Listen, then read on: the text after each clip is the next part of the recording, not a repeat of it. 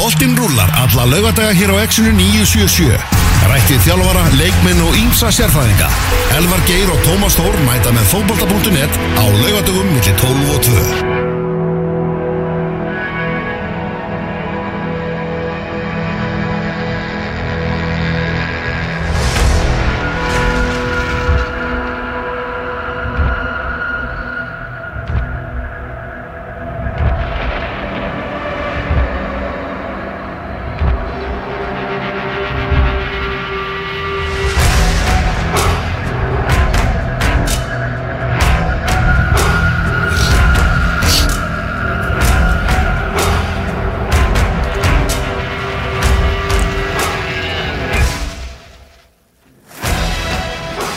Lögatagurinn 14. november útastátturinn fókbólti.net er komin í loftið risatíðindi í morgun. Erik Hamren staðfætti það að hann væri að eh, segja, fara að segja bless núna í komandi viku eftir landsleikin á móti englendingum. Þá lætur hann af störfum sem eh, landslistjálfari Íslands. Og þetta mun að sjálfsögur vera fyrirferða mikið í þættinum í dag millir 12 og 2 við ætlum að heyra hér á eftir í Bjössa Hreyða sem umtala leik, en úrslita leik sem við töpum á móti ungverjum, af hverju töpum við þessum leik? Bjössa ætlar að, að segja sitt álit á því. Og við ætlum að veltaði fyrir okkur hver verður næsti landslistjálfari Íslandinga uh, svo ætlum við einnig að uh, skoða peningamálinn Sævar Pétursson, hann verður hérna á línunni frangvæntastjóri Káamanna. Og hann ætlar að segja okkur frá því hvað Íslensk félagsliður að missa af hári upphæð þar sem að Ísland komst ekki á Evrópumótið. Og svo er það Davíð Þór Viðarsson nýr aðstóðar þjálfari F-fáinga sem ætlar að vera á línunni hjá okkur. Þannig að það er óvægt að lofa því að þetta verði hörku þáttur. Elvar Geir og Tómas Þór með okkur að vanda, hvernig ert þú í dag Tómas? Ég er ennþá uh, ég er ennþá svolítið tómur, svolítið hólur ah. það verður bara að verður að segja alveg eins og er sko, ég er svona ég átti svolítið erfitt með að trúa þessu þegar ég er náttúrulega búin að kannski tala eitthvað mest svona uh, í mikrofón eða vopn eins og sem ég kalla. Uh, Þetta er okkar vopn. Þetta er okkar vopn, uh, svona um um hversu mikið ég trúi aldrei að þetta landslið sé að fara að tapa sérstaklega leikjum eins og þessum gegn liðum eins og, eins og þessum með fullir virðingu fyrir þessu up and coming liði ungverja. Um, og svona þráttur að þeir hafi verið meira með boltan og, og eitthvað það sem kann teljast betri leiknum og þá voru svona ég kannski ekki pælingar mínar heldur meira bara það sem að augum mín hafa séð uh, fylgjandi þessari, þessari draumkendu kynnslóð uh, íslenska landslýsins undir farin 8 ára eða svo frá því þessi, frá því þessi veistla hófst hér á, á lögatarsvellunum móti Núri hérna, ég er bara með svo mýmörg dæmi, það er svo mörg sonnugögn, það er svo margar mínútur af fótbolta sem við höfum séð þetta liði spila um, einmitt í leikjum eins og þessum gegn liðum eins og þessum í leikmyndum eins og þessum í leikjum sem hafa spilast eins og þessi spilaðist að, um, að maður bara trúið ekki að, að íslenska liði sé að fara að tapa og, og það er raun og verið átt ekkert að gerast. Leikurinn var bara þannig, þeir, jú, þeir voru meira með boltana því við leifðum að vera meira með boltan um, mér fannst við leifaðum að vera of mikið með boltan en það skiptir sem einhver máli. Já, veist, þetta, var allt í, þetta var allt í teskeið þar til að eða, eh, það sem ég hef líka alltaf sagt skilur, eins og ég sagði þú spurðum út í hennar leik hér síðasta lögadag e, þá spáði ég þessu leik 1-0 þetta er þið bara svona tilturlega það er líka manni hvort það 1 eða 2-0 helst þetta 1-0 að hérna, þetta er þið svona auðvitað stressandi fyrir þá sem að svona eru, eru stressuðu típunar kakvart uh, þessum fókbóltaleikjum en, en í raun og veru er þetta bara nákvæmlega svona. Þeir myndu koma, við værum bara þú veist, eins og symfónia bara eins og strengurinn og sellónum bara hæri, vinstri, hæri, vinstri allt í góðu og þannig var leikurinn. En fókbólti er þannig að undir hundarnir geta unnið. Við höfum nú heldur betur fengið að kynast í gegnum tíðina að vera, vera undir hundur og, og vinna með, með, með miklu skipula kannski ekki alveg svona miklu svona fríksjó eins og þetta varð. Mm -hmm. uh, vissulega fengum við náttúrulega gefinsmark en síðan kemur gerum við, ef við gerum alltaf ekki mistök þú veist, jújú, þetta er þetta mistök Hörðubjörgun hittir ekki boltan minnur hann sé á rangri löp, þrjum orðunum í kára. 1-1, mm -hmm. fattur þú og þetta er það sem getur gerst í, í fólkvölda og það sem að e, náttúrulega upphefst eftir það er náttúrulega síðan algjör algjör þvæla einhvern veginn og þetta er náttúrulega annar mark uh, svona katastrófa í raun og veru fyrir flest allt sem við stöndum fyrir. Og menn frekar einhvern veginn mannst í Albaníu þegar það var svona konsensus um það þegar Aron einhvern veginn tók skilabóðin frá bekknum Heru, við erum að fíla okkur hérna, við ætlum að fara og vinna hennar leik. Þegar við töpum eins og 4-2 og allt fyrir skrúna. Já, ég veit ekki, það kannski á eftir að koma í ljós síðar þegar menn eru aðeins búin að anda skoðan leik, pæla hvað gerðist. Hvort að það hefur verið eitthvað svona hvort að það hefur verið eitthvað ákförun inn á vellinu, hvort að menn hefur bara fílað sér nú bara förum og vinnum þetta, við förum ekki í framlengingu. Eða hvort þetta var bara þú veist svona smá heilabilun. Menn hafa bara, þú veist, wow, allt í hennu 1-1 við einhvern veginn förum bara hérna einhvern veginn út um allt. Svo kemur eitt skot í, í, í raskatað okkur um ungverjanum og við erum skildir eftir berskjaldað tilbaka og það er svo röð mistaka uh, í aðdraganda þessa, þessa Sigur Marks sem að eðilegu draumin okkar. Þau eru svo, eru svo mörg. Það er svo margt sem fer úrskeiðis hlutir sem að fara alltjent ekki úrskeiðis hjá okkur. Og hefur náttúrulega aldrei farið úrskeiðis ef að uh, aðstofþjálfarinn hefur verið inn á vellinum. Leðtóin, Arun Einar Gunnarsson sem var búin að spila ég kannski sinn besta leik fyrir íslenska landslið síðan ég man ekki alveg hvenar hann var gjörsamlega stór kostlegur í þessum leik. Uh, og þú veist þessi sprettur er náttúrulega bara þessi sprettur og ekki sprettur hjá Birki. Uh, við lendum í því að láta Kára einhvern veginn að vera eld en það skipti einhver máli. Það eru tveir leikmenn fyrir aftan tilbúin til að loka á hann. Ragnar Sigursson það náttúrulega að, að fylgja hlaupunum gott hlaupi á hann fram hér ungur sem dregur Ragga í burtu. Raggi fattar að Sóbúslæði fara að sko, uh, skjóta. Hann er of setn út í hann og svo tekur Hörður Magnússon eitthvað skringilegasta skref og skringilegustu reyfingu sem ég hef bara held ég að ég hef séð í, í fótbolta. Í staðin fyrir að rennitakla manninu og henni að loka á skoti þá tekur hann eitthvað svona hliðaskref. Ég veit ekki hvort að fólk hefur pælt í þessu. Uh, í staðin fyrir að fara á mannin og raun og býr til meira skotplás fyrir hann og úrverður að við erum ekki að fara á, á EM. En að já, maður er svona maður er svolítið hólur eftir þetta því að ég bara veginn trúði ekki akkurat að Við erum búin að tala um það svona að þjóðateltin er ekki vinnur okkar sko. Nei, nei, en það er náttúrulega á ekki að vera að spila þessa þvælu. Nei. Akkurat núna í þessu árferði, ég með það er annarkur maður með COVID sko. Það er svo mikið COVID að mingarnir eru konum með COVID sko. Þorkell Gunnar Sigurbjörnsson, kollegi okkar á, á Rú kom með smá salt í sáreila á Twitter í ger Já, takk fyrir það, akkurat sem að þjóðan þurfti. Já, þegar hann kom með þá pælingu ef þessi þjóðatelt hefði ekki komið til hefði Ísland þá ekki alltaf farið inn á EM í gegnum þriðjasætið í undankjæmsriðlinu og þar svarar Brynjólf Sveinsson sem að greinilega kannaði þetta. Ísland var í fjórða besta liði í þriðjasæti í sínu riðli og því 24. lið inn á EM. Skotland Síðasta liði? Skotland, Norður Makedónia og Ungverjaland hefðu ekki farið. Já, samkvæmt stegafjöldurum Þú veist, ef að bara undakeppnin hefði gengið Bara eins og fyrir EM 2020 Já, Nei, fyrir EM 2016 fyrir já, bara áður en þjóðadeildin var til og fór að gefa þessu auka Þetta er salt í sár. Æjæjæjæjæj Heyrðu á línunni, Örvar, ertu að það? Hér er ég, heyrið í mér? Já, við heyrum, alltaf að vera ég að blangorður og rás 2 þegar þau gátt ekki skellt á því eða? Það var bara svo gaman að að fjallum Budapest Ég veit. Það var bara svo gott þegar við voru að að kveðja þig. Ég hló dátt í bílum að- þegar það var svo gaman hjá þér sko en ekki á þeim. Ég var alveg í roknastuði þar sem, sem og, og, og oftast bara. Já, nákvæmlega. Nákvæmlega, þú ert í beinu útsendingu frá Vínarborg, þar sem, að, þar sem að þú býrð en þú fóst uh, yfir landamærin skellti þér yfir- til Ungverjalands og Hve- Hvernig var bara, þú veist, hvernig var borgin, þú veist, hvernig var, var eitthvað fólk, var eitthvað, þú veist, var eitthvað stemning í kringum hennar leik, þú veist, var þetta eins og að lappa bara inn í, inn í Tjernobyl eða, þú veist, hvernig, hvernig er staðan í Budapest? Þetta var eiginlega svolítið tvískipt.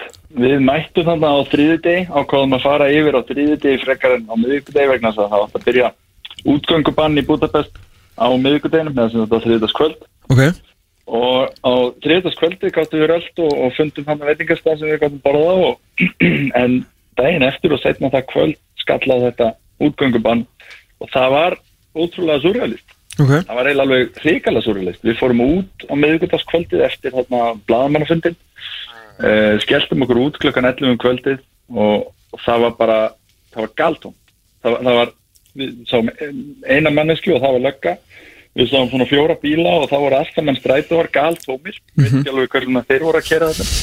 Um, þannig að það var alveg ótrúlega surrealist að standa á bökkum Dónárs og á þessum stóru umferðaræðum og bara einir út á miði göttu sko. Þannig að þetta var hérna, mjög spes upplifun. Uh, um, um bara já, fyrir, fyrir margar sakir.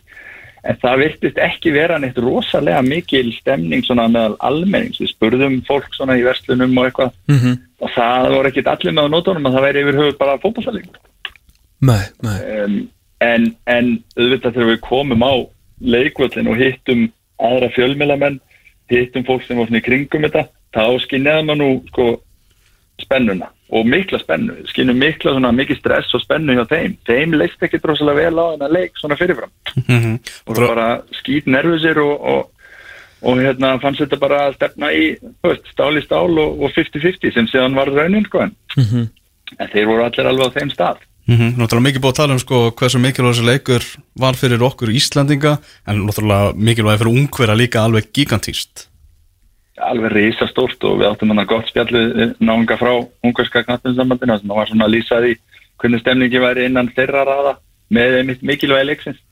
Hvað þetta skipti þá miklu máli sko bæði fyrir, fyrir þetta nýja lið sem að er komið, fyrir, fyrir þannig þjálfara sem er til til að nýtekin við um, og fjárhagslega fyrir landið, fyrir borgina Budapest, fyrir hérna, ungarska knattinsambandið þetta er mikilvægt fyrir okkur og Íslandi þetta er 1,5 miljardur eða hvaða fjárhæða er sem, sem um er að ræða telur auðvitað mjög mikið í, í, í, hérna, í löndum eins og Ungarlandi og þeir, þeim, þetta var rosalega mikið mál fyrir þá þessi leikur Mhm. Svo þessi leikur, náttúrulega tómar stúkur hvernig var að vera á þessum risastóra glænýja og frábæra leikangi sem verður einmitt notar á EM allstar ef að áallanir standast og fylgjast með þessum svakalega mikilvæga leik? Það var, um, það var frábært. Það var ótrúlega skemmtilegt í 87,5 mínútu. Um, hérna þessi, þessi leikvangur er, er þetta gífurlega flottur hann er alveg ótrúlega fallegur sem leikvangur og góður, uh, gott aðgengi og, og alveg ótrúlega flottur. Um, það voru þarna það voru alveg ótrúlega margir fjölmjölamenn ég er ekki vissum að þeirra séu allir raunverulegir fjölmjölamenn en þeir voru nú samt þarna. Uh, en það kannski sást að þegar að fagnarleitin brutust út. Þá voru svona, svona 50% fjölmjölumannan að sátu voru raunverulega að vinna eitthvað í þessu og, og svo voru þarna svona 50% sem bara verið algjörlega driftir á spenningi sko. En það vill svolítið verða með uh, svona fjölmélamennin að gæsa lappa frá þessum hluti Evrópu. Við, hérna, og þetta er ekki einhverju fordómar, við höfum farið víða og þeir hafa komið hingað við höfum séð allskynns tróða sem eru alveg auðvitað, náttúrulega frægastir eru albanarnir sem að lögu sig hérna inn á, á lögatarsvellin fyrir mörgum árum síðan og tókum með þess að sko uppistand á, hérna, á gerfinetti og þeir náttúrulega voru alls ekkert að vinna sko. Nei, nei. Þeir voru konum með þarna búin að rífa fram fána og, og svo heyrði maður því að ég var í Marseille þegar við spilum á Ungarjum e, á EM að hérna, þeir byrjuði að kyrja sömu, sömu hérna, hvað hefur kallað söngva eða, dríðshróp þegar, þeir skoruðu annað markið sko. Þannig að hérna, það, þetta var mjög skemmtileg upplifun en, en auðvitað eh, sjaldan verið kýldir í affast í magan eins og þarna þessar mínútur. Og var svolítið merkilegt að sitja þarna og þeim, þeir greiðin kollegar okkar þarna í kringum okkur svona hálfpartin voru komin að faðma okkur sko, þá mætti nú ekki nálgast okkur en, en svona með augunum þá fengum við svona, svona faðlög og, og hérna, þeir voru ofsalega vingjallegir við okkur eftir þetta. Me, meirir og mjúkir við okkur af því að vendalega hefur það skínið úr augum okkar eins og, eins og restin af þjóðinni. Hversu, hversu vond þetta var Mhm. Þú veist þegar leikalokið náttúrulega strákunar okkar í sárum hann að liggjandi um allan völl þið náttúrulega farið og komið ykkur fyrir í, í fréttamanna herbygginu þar sem að já, blaðamannafundur er bara við það að fara, fara að hefjast og svo mætir Erik Hamren á, á fréttamannafund sem að var hann síðasti fréttamannafundur áður hann að tilkynni bara uppsögn í, í morgun og segir það að það verið hans ákvörðum bara að hætta uh, hvernig svona lestu í hvernig var Erik Hamren á þessum fre síðasta fréttamannafundi sínum áður hann að stóra ákvörðunin er ofinbyrð hann var bara gjörsamlega niður brotin Já. Eh, það var, við sátum hann á fremsta bekk þegar hann kom inn og tilbúin með spurningar og, og vorum svona búin að preppa það bæði fyrirleik og, og svo með við úslitin og það var bara reynlega mjög vond og erfitt að, að bera upp spurningar. Við spurðum hann meðal annars með hann framtíð um, og, og hann svona held smá tölu áður en hann tók við spurningum. Og það var bara, var bara mjög sárt að, að fylgjast með því. Og, og, og hérna og rosalega, við fundum alveg rosalega til með honum. Auðvitað sem og öllum hinnum en, en hann var þarna verið ramrangur hann var alveg já, hann leiti ekki drosalega vel út. Hann var mjög hérna, nýðurlútur og, og fámáll. Og svona maður stáða á honum hann, hann, hann leið bara mjög, mjög illa. Mhm. Skiljanlega. Já, þarna, þarna náttúrulega þá veit hann það að þetta er, að hann er að hætta í þessu starfi. Hann, hann, tókst ekki að Já. koma okkur á, á, á EM. Já, Já. ég hug- ég hugsa að það svona þetta, þetta moment þarna, þar sem hann lappar inn og sest niður og, og þá er þetta öruglega að fara í gegnum kollin á honum sko. uh, þú veist, hann, hann annarkvort búin að taka ákvörðun eða hann búin að ræða við KSI eða hvernig svo sem það var að, hérna, að þetta væri þá búið. Að þetta voru endalókin á, á þessu ferðalegi og það bara einhvern veginn svona eftir á higgja þegar ég sé þess að fréttir frá því morgun að hérna, þá líklega var þetta það sem var honum svona efst í huga. Fyrir utan þetta bara hérna, fyrir utan þetta bara það að hafa tapað svona illa að hérna, þá var hann öruglega líka að skoða þetta út frá sjálfum sér þarna á þessu mómenti. Mm Það er sko maður fréttir um það að Álaborg í Danmörku hafi áhuga á því að ráða hamren Já, sem hann gerði að Danmarkum meisturum árið, árið 2008 þannig að hann á, á góðar minningar minningar þann og þeir af honum Freysi talaði um það í viðtalið við Rúf að þetta verði bara örgulega sárt bara restina af ævi þeirra sem að, sem að tóku þátt í þessu verkefni í, í Ungverðarlandi. Þú munt ekki gleyma þessari ferð þarna til, yfir til Budapest, Örvar. Nei, ég mun bara aldrei gleyma þessum mómentum þarna á vellinum það var spenna dagana fyrir og, og á blaðmannafundunum og það var svona gott tempo og atmó í, í virtist vera í liðinu, við sáum æfinguna þeirra og fylgdust með þessu og svo mættum við á völlin og það var bara góð stemning í þeim og þeir byrjuði leikin frábælega og svo endar þetta svona sko, nei, ég mun aldrei gleyma þessu og ég veit ég tala fyrir Hannes sem var þarna með mér Hannes Þorstein Sigursson að hann mun ekki gleyma þessu fyrir sitt litla líf, bara allir í upplifunni og, og þá get ég rétt svona ímynda mér hvernig, hvernig þeim líði. Freysa, Erik, leikmönnum uh, öllum hinnum, liðstjórum og, öllum sem voru með. Ég get ég rétt ímynda mér hvernig rútuferðalagið heim á, á hótel var eða flugið heim eða hvað. Ég, ég get ekki ímynda mér hvernig stemningi var. Hún hlýtur að hafa verið ansið tung Já, og náttúrulega ekki dælilega vondu þetta fyrir, fyrir gullkynsluðina og, og, og fleiri til, svona, við að tökum við nokkra þessum gamlu köllum inn í þessa gullkynslu og bara þetta gull landsliða, þeir eru náttúrulega eru upplifið í, í annarsinn, þú veist, þá voru allir búin að gleyma særindunum í, í, í Zagreb uh, fyrir sjö árum síðan og, og ætluðu náttúrulega aldrei að eiga svona kvöld aftur og náttúrulega gerðu allt sem þeir gátu til þess að eiga ekki svona kvöld aftur og raun og veru fenguðu náttúrulega bara gleði kvöld og gleði daga það sem eftir var þar til að, að koma að þessum leik sko. þannig að nú þarf svolítið að, að hrista þetta af sér alveg eins og var gert, í, gert eftir Zagreb. Já, já, og það var við, við Hannes rættum það einmitt um, kvöld, um kvöldið og leðinni heim. Eh, sko áskoruninn sem stæði frammi fyrir sérstaklega Freysa og Erik og þeim sem að liðinu standa að, að, að fara beint upp í vél og, og beint í, á endurheimtaræfingu morgun eftir og, og svo beint í leikja moti Danmörk og Englandi í þjóðadelt þar sem, sem við höfum ekki verið að, að, hérna, gera neitt sérstaklega gott mót. Það er nóg erfitt vendarlega að, hérna, að svona einhvern veginn virkja leikmenn í, í að vera stemdir fyrir þá leiki uh, hvað þá með þetta á bakinu. Það ég er bara hattin ofan fyrir þeim að, að hérna að bara vera mættir sko Mm.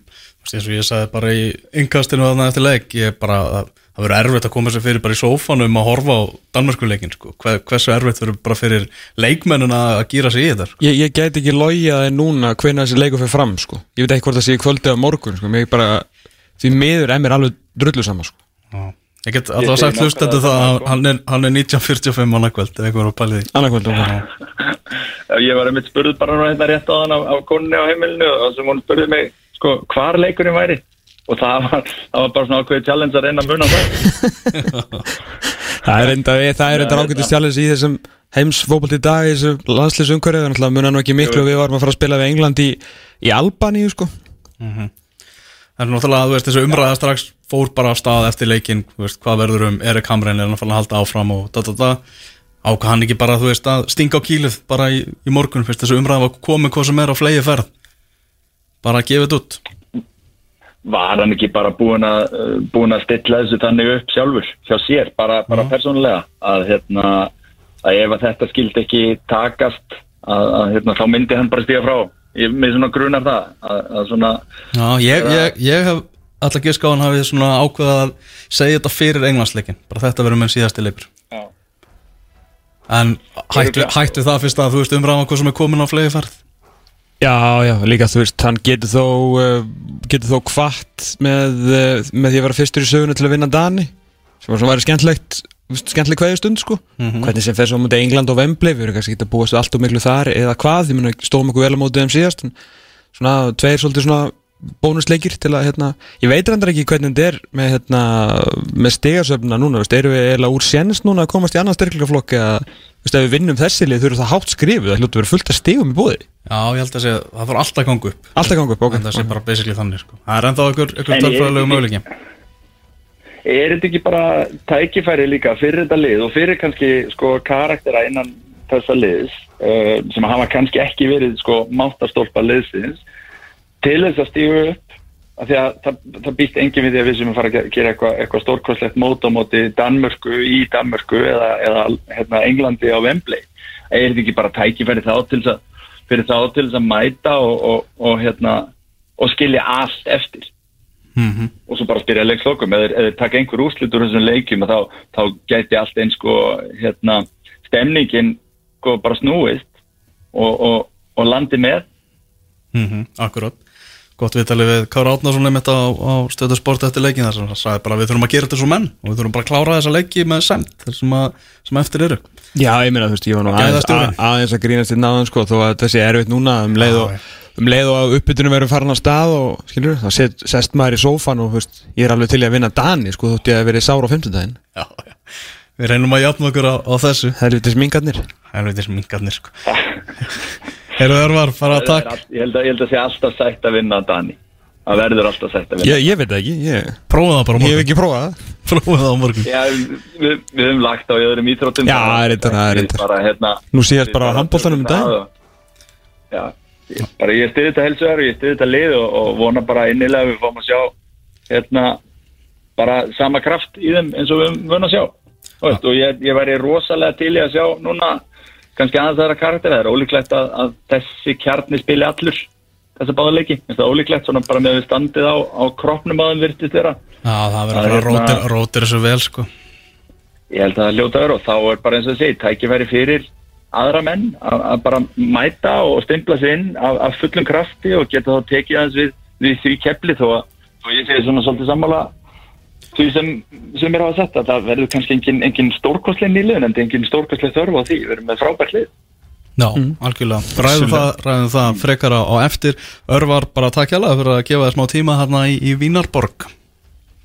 Kæra þekki sem leið. Heyrumst bara. Bye bye Hér á eftir ætlum við að heyra í Sigurbjörn Reyðarssoni, Bjósar Reyðars, hann ætlar að segja sitt álit á leiknum og ætlum einnig að ræða við hann um það hvaða nöfn kom upp í hugan þegar hugsaður um hver verði næsti landslistjálfari. Já, ég er nú þegar komin með eitt hjút snabn Ó, hlakka til að heyra. Það er sko hjút snabn og þetta er uh, þetta er resanabn uh, sem að allir þekkja fyrir um Premier League þjálfari uh, sem að svona er í smá eðimörku gungu jafnvel til í að mæta fyrir ekkit fyrir svona kannski lallalaun pluss smá, bara smá skilur og þetta er allt bara að gera sérna í, í, í beitnútsinning Ekki fara langt. Þú ert að hlusta á fótbolti.net á X977 með ykkur til klukkan 2 í dag. Við erum að ræða um landsleikin á móti ungverjum og, og, og bara allt eh, landsliðinu tengt. Erik Hamren og allan bakkan á línunni er Sigur Björn Reyðarsson, okkar maður Björsi Reyðars. Björsi, ertu búin að jafna þig eftir 50 daginn?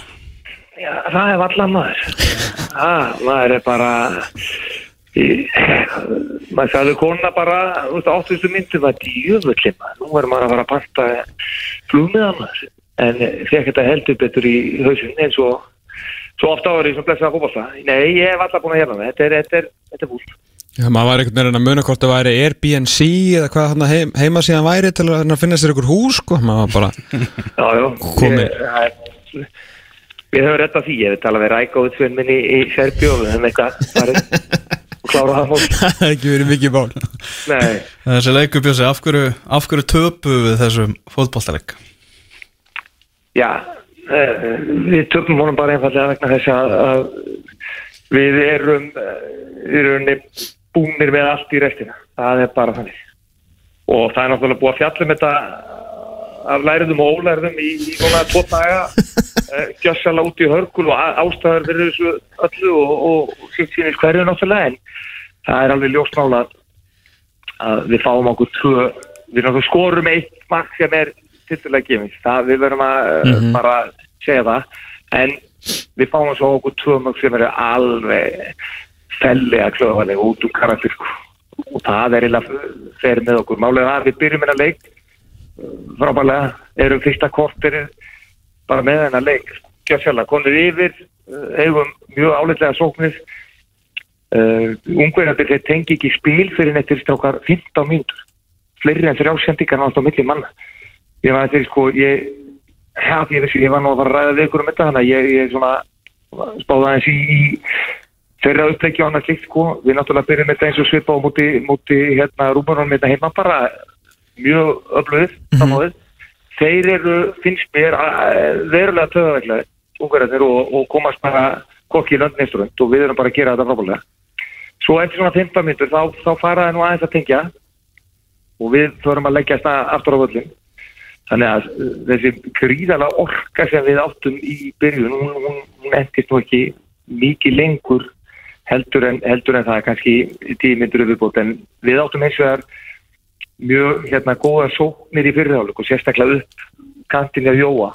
Og okkur algjörlega. en eins og við svo sem vissum að, að og rættum þetta daginn að það yrði yrði möguleiki hjá okkur og sérstaklega fara þar upp. Við erum sóknar sinnaðari þar heldur en, heldur en kannski vinstramenn. Og við, við fórum 10-12 sinnum bara mjög áleitlega þar upp í, í, í fyrirháleik þannig að þetta var allt í svona bara nokkuð góðum málum. Einu sem ég fannst ungverðarnir komast eftir svona hálftíma þá fara þeir að, að fara á milli línana þess.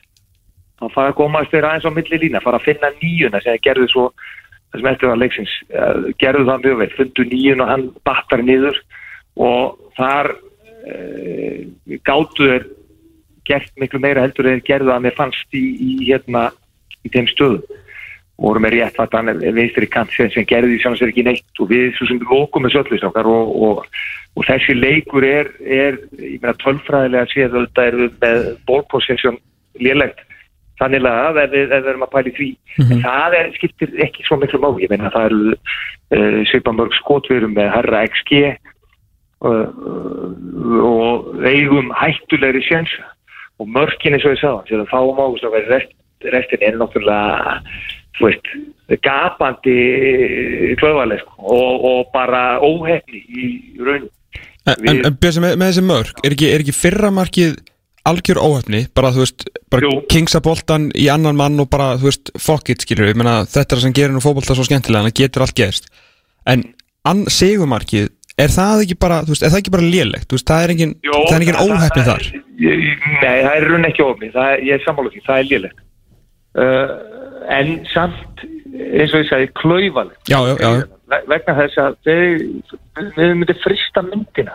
Þegar hann er að fara að mynda fótinn þá eru þrýr ungverðir í mynd bara þú veist á, á, á, á breyðlensu þá eru þrýr ungverðir en sex íslending og og hérna í skotunni hjá Jónda?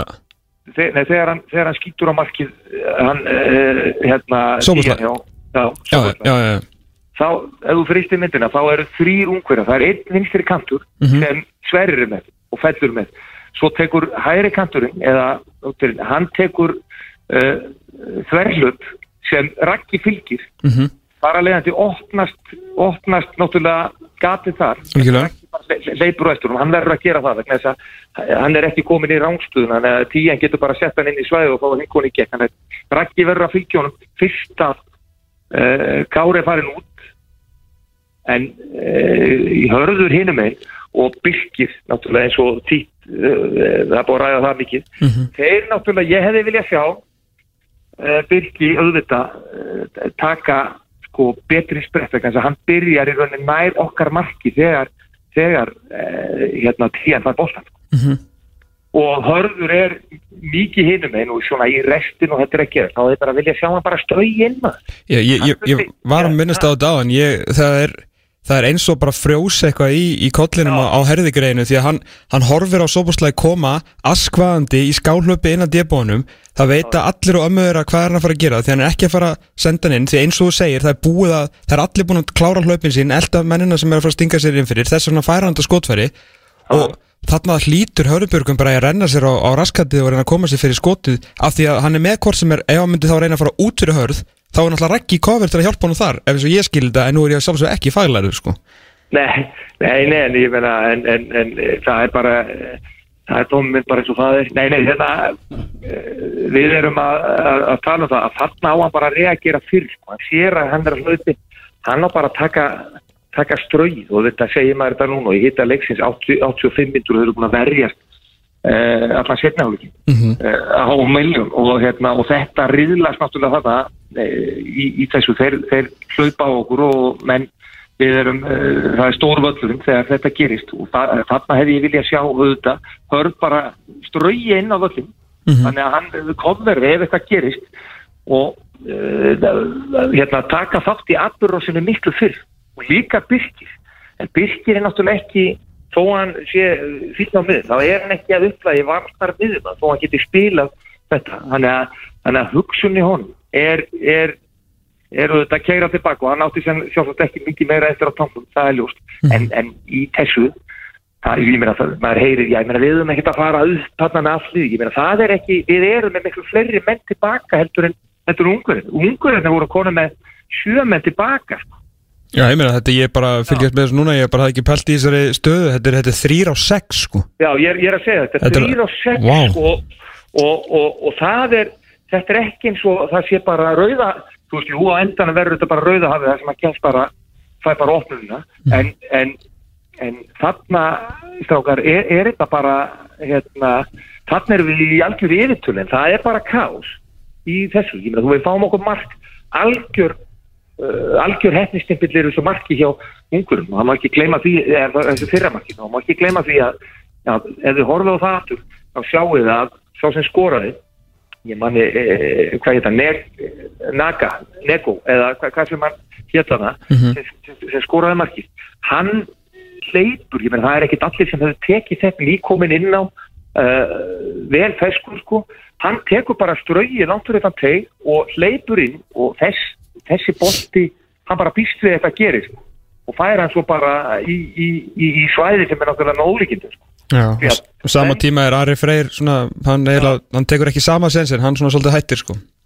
Já, sko, hann hann byrjar sér svo þegar hinn og hinn kemst innan á aðra og, stö- og ke keir og það er bara líka uh, góð opnum sem að fær í það strögi auðvitað er, er hörður farin að horfa á, á, á bostan og, og, og, og menn bara uh, það, þetta er bara rakin jú, algjörlega. rekur, rekur löppin út sko, og bara dánsar inn fyrir meina þetta er þetta er uh, eins, eins mikil óefn og hægtverður og við getum ímyndað með það að þegar leikmennum inn á völlum sama hversu mikil karakter er mennuðu þetta er högg.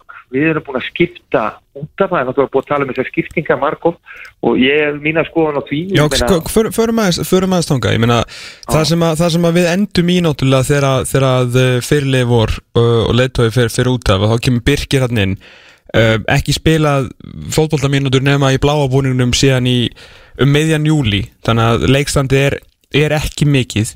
Hann kemur inn á þetta já, erfiðasta svæði svona vallarins allan á, á þessum tíma. Eða bara yfir höfuð fjöndanum erfiðar að spila á miðju í er nú bara, bara menn eins og Sigur Betreðarsson og fleiri sem geta það. Uh, þú veist hvað hérna meina, það er náttúrulega allir búin að benda á gulla hérna inn uh, og, og Birki í bakverinn Hva, hva, hvað segir þú um þetta? Já, ég er á þeirri skoðun. Ég hefði viljað fá gulla upp. Uh, þá koma uh, mótur okkur því að það eigi ekki að fyrst í varnarlínu, þú veist, það sé ekki heppilegt. En málega það að við fengjum inn mann sem er í, í, í algjöru uh, komfortzónu eins og Birkimár. Hann er búin að spila 90 landsleikjum með öllum þessum að hann, hann, það er ekki, það, það, það er ekki orðið vandamál. Má ekki færa rauk fyrir því björs að þeim að liði bara jafnvel betur með hann síðustu minnar heldur en með gulla með fullir veringu fyrir honum sem stóð sér vel Já, mögulega og líka það að byrkir þetta fljótur og allt svæði sem myndast í, hjá ungverjum og ég, verðum að, ég meina þeir sem hafa fylgst kannski með íslenska bóstan núna í setnipartinu í sömar, þeir hafa kannski séð það að- að að kallin er on fire sko. og hann hefði bara geta, við höfum geta nýtt hann mögulega í, í einhverju upplöfni hann hefði komið og við höfum þurft á því að halda. En hins vegar þá er Gulli inn í rytmanum í leiknum og er að spila miður í, í, í hérna uh, reglulega. Og hann e, er miklu tengdari vartar miðjumennskunni heldur en hinnum mm -hmm. að svo missum við rúnar út sem ég, er, ég, ég hef ekki mikið, eða þú veist ekki allavega séð það, hver skýringin er. Var hann og þreyttur? Átti bara að fá hæðina inn eða það átti að gera en sem ég fannst ekki ástæð fyrir að skipta rúnar út af. Og í þessu þá er mjög stæmt að missa báða með miðjumennina út af sem eru búin að vera í takt til leikst þú ert, það er öðvísi en það er allt öðru sem verjast út á kanti heldur en inn á miðju. Og, það, það, er allt annað líf sko og þannig erum við farinir í, í 5-4-1 já, já, og ég meina og, og, og, uh, og pælingin það er náttúrulega eins og maður hefur nú sjálfur gert og, margir gert er að, náttúrulega að, að uh, bara uh, fá fleiri varna sinna menn það er lítið eftir að leiknum og við ætlum bara að ha- hanga á þessu. Og við höfum gert það áður.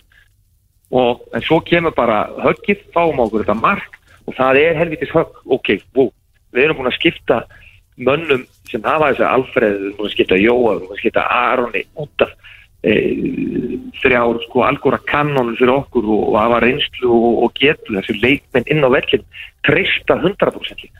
Við veitum að þið þið væri að fara að spila og með, með þessa þrjámenn ykkur myndi alltaf líða stórkortið sko. En sko, að- það, það er aðeins búið að ræða líka hérna, sko, það vantaði miðjumenn á varamannabekkin. Það er náttúrulega kannski að því að við erum, eigum ekkert allt og marga. Uh, Emil er ekki í hópnum að því hann hefur lítið verið að spila. Og samanskapi Birkir ekkert verið að spila eh, með félagsliður sínu en hann, en hann er valinn, hann að þú veist uh, tómandu kartibla í því, sko.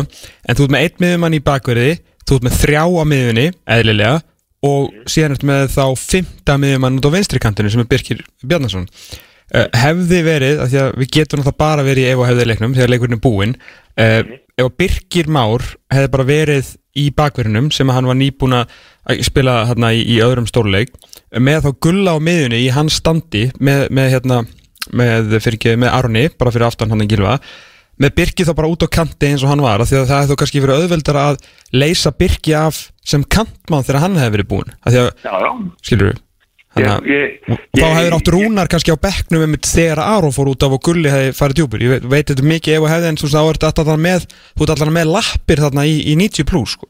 Já, sko, mér fannst þessi leikustákar þetta, ég meina auðvitað, hættu að halda bolta í setnahólugu og leggjast aftar á völd já, já. og það bara gerist í, ég meina, þetta er það mikilvæg leikur og við erum bara að fara að vinna þennan leikur um eitt nú liðir uh, setnahólugurinn spilast auðvitað þeir uh, hérna skiljanlega bara bæta við ja, skipta mönnum til skiptingar og við vissum alveg að þeir kæma alveg á okkur á, á þetta, er, þetta er allt í raunin að kangu þeir, þeir eru ekki að fá nýtt Nei, nei, nei, nei, það má ekki glemma því sko. Nei, þetta er ekkert, það er ekkert vist en, og þá vill maður oft bara, heyrðu, ok, er endilega betra að fara að skipta eitthvað nema að sé bara uh, algjört must, must á því, sko, þess að það er líka mjög erfitt að koma inn í svona, þú veist, þegar þú ert í skipuleg, það er allt annað heldur en þú þarf að brjóta upp leikin eins og ungverðin, þeir þurfa að brjóta upp, þarna koma bara menn inn og heyrðu, þú bara, þeir þurfa mark, sko, þú þarf bara að gera eitthvað, sko. Líka ótrúlega, líka ótrúlega pyrrandi þegar maður að, þú veist, hugsa tilbaka og þessi færi sem við fengum til að komast í 2-0 þegar Já. þarna Andri Já, Botka með frábæra varnarleik þegar Birki Bjarnason átti bara eftir að setja boltan inn og, og náttúrulega Albert Guðmundsson. Já, ég, ég, ekki spurningu, ég meina Jói, Jói Berg í fyrirálu þegar Já, við fáum hann yfir, ég meina og það gerist aftur þegar Albert og geggjaða sending á Jón Daða sko, ég meina, hann hefði smelt honum í fjær mögulega, þú veist, það er ég meina fyrirgjöðun á, Al- á Albert og Jóni, ég meina, auðvitað við, við eigum hættulegri færi mm, og XG eftir því Já, og ekki eftir því sko. Þannig að ég sko, það, það, það, það fer bara all, allskotin í skrúun það er sko. Jú, jú. Það, er, það er bara þetta er það er, það er eh, við erum náttúrulega reynum að krifja þetta og allir og ég minna inn á vellin þá er bara þá er á atbúrásin er bara allt öru, það bara sér heimur svo þetta komin inn og þú ætlar, ætlar að taka mannin það ætla allir að gera svo vel og allir ting svo riðlast þetta eins og með þessi skýttingni þannig að það er náttúrulega eins og þessi Aron búin að stýra þessu stjórna þessu veit nákvæmlega hvað hann á að vera. Þeir eru búin að tefja leikin þetta er allt bara í topp, topp gýr Mhm. þá fáum við okkur jöfnamarkið og, og hérna samt aðeins eftir. Og eh, eins og segi hitt var algjört klaufa moment þetta annað mark sko. Við hefum þurft að fara með þetta í framlegging og endurskipulegja fyrir, fyrir það fyrir, það, fyrir hana hvernig við myndum hvernig við myndum gera þetta en ég í sjálfum sér sko að því þú sagðir byrjuð um leikin og svo mér, mér fannst sko liðið vera flott í byrjun ég fannst það bara Mhm. í rauninni bara, bara mjög gott. Mér fannst það miklu betri ungar en í byrjun Já, ég meina það í teski Það var eins og þeim var brugðið sko. Já, var, var ekki þú veist að því við vorum svo mikið að tala um og hérna þess að maður hafði svo mikla trú á þessu liði út af, út af reynslunni að ég meina ungverja voru bara komnir í eitthvað í eitthvað stöðu sem að þeir aldrei séð áður. Ég meina þeir voru bara með sko buksarnar á hælunum bara skýt stressaðar til að byrja með og ég held að að Gulassi í markinu hafa nú sínt okkur það bara með, með frábæri tilrönd til markværslu sko Já, já, þeir voru alveg á tögin og við vorum að ná sko, bara, mér fannst spennust í okkur alveg bara í byrjun. Alveg, alveg bara frábært. Mér fannst því. komin, mér, fannst bara mér, mér bara, mér, mér leið bara geggjastlega vel með þetta. Já, og bara konur yfir og ok, kortir ég myndi það bara eins og hérna fórum í rú- rúminana það heima, erum bara eh, rock solid, förum inn í háleik menn tala saman og þetta eh, 45 minnur eftir meina við, við, við þurfum ekki að fara og, opna okkur til að ná öðru marki. Höldum, höldum þessu bara eins og við þekkjum svo vel og erum vanir. Gert þetta hundra sem maður á hundra sinnum áður. Og ég skilu alveg að, að, að, hérna, að eh, við höfum, við höfum bakkað en auðvitað er það fannig inn á vettinu líka að, að ok, er ég fimm myndum að fa- framalega aftarlega, svo er það bara í mómenti leiksins, hvað gerir anstæðingurinn þessu, tíjan sjóbórslæg hérna, hann var farin að fara uh, mikið vinstramin og þeir voru að fara að tvímenna þar í setnafning og, og það líða tók á leiki og, og, og gerðu það vel. Þannig að við, við þjöppuðum staðins aftur. En samt sem áður aldrei fannst mér eh, ég hafði aldrei sérstakka hérna eh, trúa því að þeir getur skorað við fáum einhvern skalla þarna sem er einn er eitt stær út í, út í miðjun teg þannig eftir ég að hann kemur fyrir ekki og hann er einn Mhm. mm -hmm. Ég, allt annað var algjörlega í kirkir Nákvæmlega uh, Þessar fréttir í morgun, Bjósi, það er ekki, það kom ekki á óvart Náttúrulega Erik Hamren ráðinn hana, uh, bara til að koma gullkynnslóðinni á, á þriða stórmótið í röð og, og það tókst ekki þannig að uh, hans tilraun til að, til að klára þetta verkefni, það var það, það tókst ekki. Hvernig lítur þú svona bara á þessi ár undir stjórn Erik Hamren? Ég, mér, mér finnst þetta hafa verið bara í góðu lagi sko. þannig að ég, ég bara ég verð að segja það. Ég auðvitað er spennuð það þegar árakurinn er búin að vera svona geggjaður með, með, með lands og heimi og, og svo heimi. Og hérna og svo kemur hann inn, ég fannst hann þannig að það byrjaði byrjaði helviti bröðsulega hann í blessu, blessu fyrstu leikinnir en, en svo fannst mér við ná áttum og mér, mér fannst þetta bara á pari sko. Ég er ekkert það voru engar sko, stórkostlegar hæðir sko en, en ég fannst hann ekkert eh, ekkert klúra neinu sko. Mm, hann getur, Já, alveg, getur alveg komið hérna í frí með, með konunni á næsta ár. Já, já, ég engi spurning sko, ég meina þú veist en, en, eh, en ja, þetta er ekki, ekki sama og, og, var í síðustu tveimur tveimur uh, kefnum Mhm. þannig að uh, en, en það má alveg vel við ég finnst mér sko uh, og þeir, mér finnst þeir hafa gert gert, gert margt, margt fínt sko. Mhm. ekki spurning og ég meina menn er að tala um kynslu og skiptu og lalala ég mér finnst bara þetta eru bara bestu leikmennir okkar og, og, og, uh, og þeir eru bara og ég vissu það að tækjum helvíti marga þjálfara þá var þeir uh, mjög nálægt þessum hóp sem þeir hafa verið að velja sko Mhm, Algjörlega. Ég, ég held það og ég meina og, og meðisli og, og ég meina menn ekki standu og svona ég meina, jú, jú, þetta eru við fá, fámennir og það, strákar eh, þeir eru, þeir eru að spila fyrir landsliði frábærlega og, og ég meina menn hafa haldið sér við það. Kannski í hérna og það hefur yfirleitt skil okkur, ég meina og var strákar, fimm helvítis mínútur var að skila okkur inn á þetta blessaða blessaða þriðja stórmót. Sko. og þá væri við náttúrulega að tala þú veist saman sko uh, á uh, gleðilegri nótum. Já, þá hefur við sendir bara freyðivinni núna í morgun og þú væri svona aðeins svona aðeins já. svona þóklumæltur að spjalla með okkur og verður grænjandi og hlátri hérna sko. Það byrðum hamran á fjóra á samning sko. Já, já, maður, það, ég veit ekki Svona breyta sögulir þetta þegar þú tapar fótboltalegjum sko. Er nákvæmlega, þetta er, þetta er ótrúlega stutt á millið Já. en það er bara uh, þannig, en sko ég held nú að það myndir nú láta þess að tvo leiki líða og ég held, ég, ég held einhvern veginn að, að, að, að þetta er nú ekki gert alveg strax sko, það myndir nú láta þetta líða þess Já, þetta kom á óvart þetta hálf tíu í morgun sko. Það verður að veikast að þetta var stundin.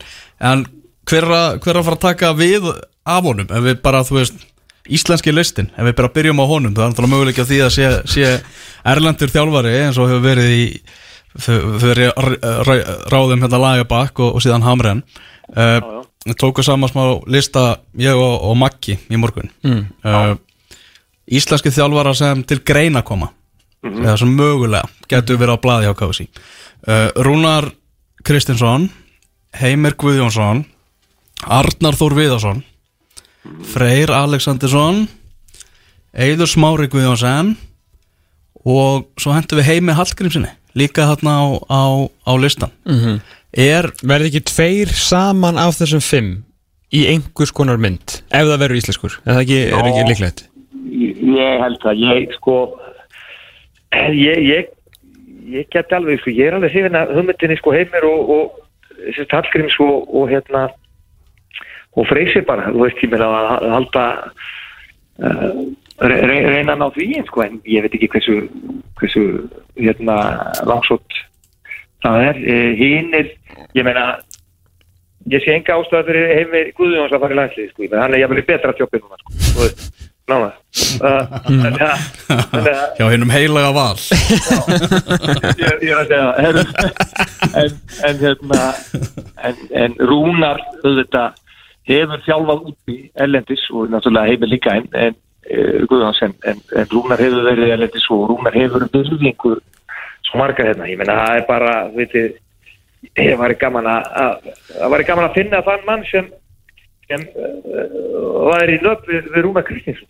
Já, kannski Gunni Bergson bara svona eftir, eftir sko, sumarið. ég- ég- Já, mö- mögulega eitthvað smá en, en þeir eru náttúrulega gamli félagar þannig að þeir eru vættalega búin að grafa þessa stríðsvöks en en ég- meina Arnar Þór Viðarsson er einmitt á þessu listu út af því að maður er að hugsa hvað er Guðni Bergson að hugsa. Og hann hefur greinilega feikið trú Arnar Þór Viðarssoni sem að hann náttúrulega ferilskráina segir ekki þetta er næsti landslýstjálfari, það er bara svo við tölum reynd út með það. Nei, en, en þú veist, við hljótum að Já, þú veist, nú veit maður ekki hvort við séum að fara í uppbyggingu eða ekki. Menn Aron Einar, hann vil bara halda gamla bandinu saman hvort sem að, ok, Kári fer kannski Hannes verður settur af bara, bara til þess að koma einhverjum af eða koma, kom, koma einhverjum að, ekki af e, þó það sé engin þörf á því, sko. Þannig að ef að breytingin er ekkert svo mikil þú veist, þurfum við ekki svolítið að velja þjálfara út frá því hvort við ætlum að hvort við ætlum að fara að tróða inn ungum strákum til að búa til eitthvað, þú veist, eftir fjögur ár eða hvort við ætlum að velja eitthvað sem að getur unni með þú veist, það sem eftir er að þessari gullkynsluð Jú, sko, fyrir mér er það nú bara þannig einfalt að, að, að það er fullt af leikmönnum í liðinu sem, sem menn er kannski að tala um, ég meina, eru búin að vera lengi í þessu sem hafa, sko, bullandi er þetta áfram þetta. Það er, er ég meina, sko, Birki Bjarnason ég meina, hann hlýtur nú bara að fara að finna sér lið sem hann er að fara að spila, sko. Ég meina, hann á að vera komin til Sviss að spila bara alltaf daga hann með Síón, sko, þú veist, þetta var bara fokk upp ég meina og þegar hann ég meina, það, það eru þeir eru á frábærum aldrei hérna sko, flestir, auðvitað eru einhverju sem eru komin á aldur og það verður að endur nýja eitthvað en það má ekki taka allt, allt bara liðið og, og bara út með og inn með nýja bara af því að uh, eitthvað segja það, ég meina það er fullt af fullt, það, það, það er stór hluti af hóknum sem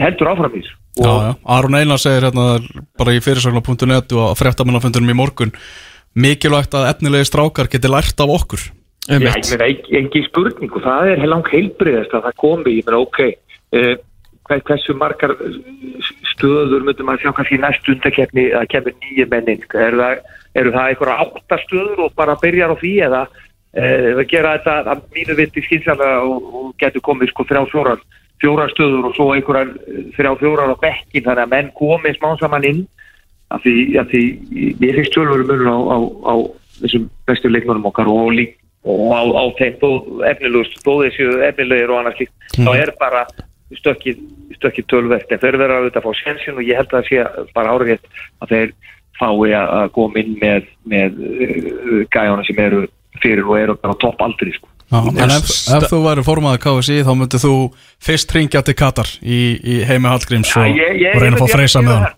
En en, en, uh, en Unni Bersson náttúrulega þekkir ma- margan gæjan í þessu í, í samvætti gæti hann ekki átt ekkur að vinni úti, gæti hann Sama lardæs eða eitthvað að- já, brún, sami kallin ég, veit ekkert um það en gæti hann mögulega gæti lengst ekkur, ekkur gæji sem hann væri bara með í þetta sko. Pottið, það getur geta alveg verið sko Já. Ég er með nafnina, vilt að ég hendi núna fyrst erum við Björns á línni Hvað er með Já, það. Thomas?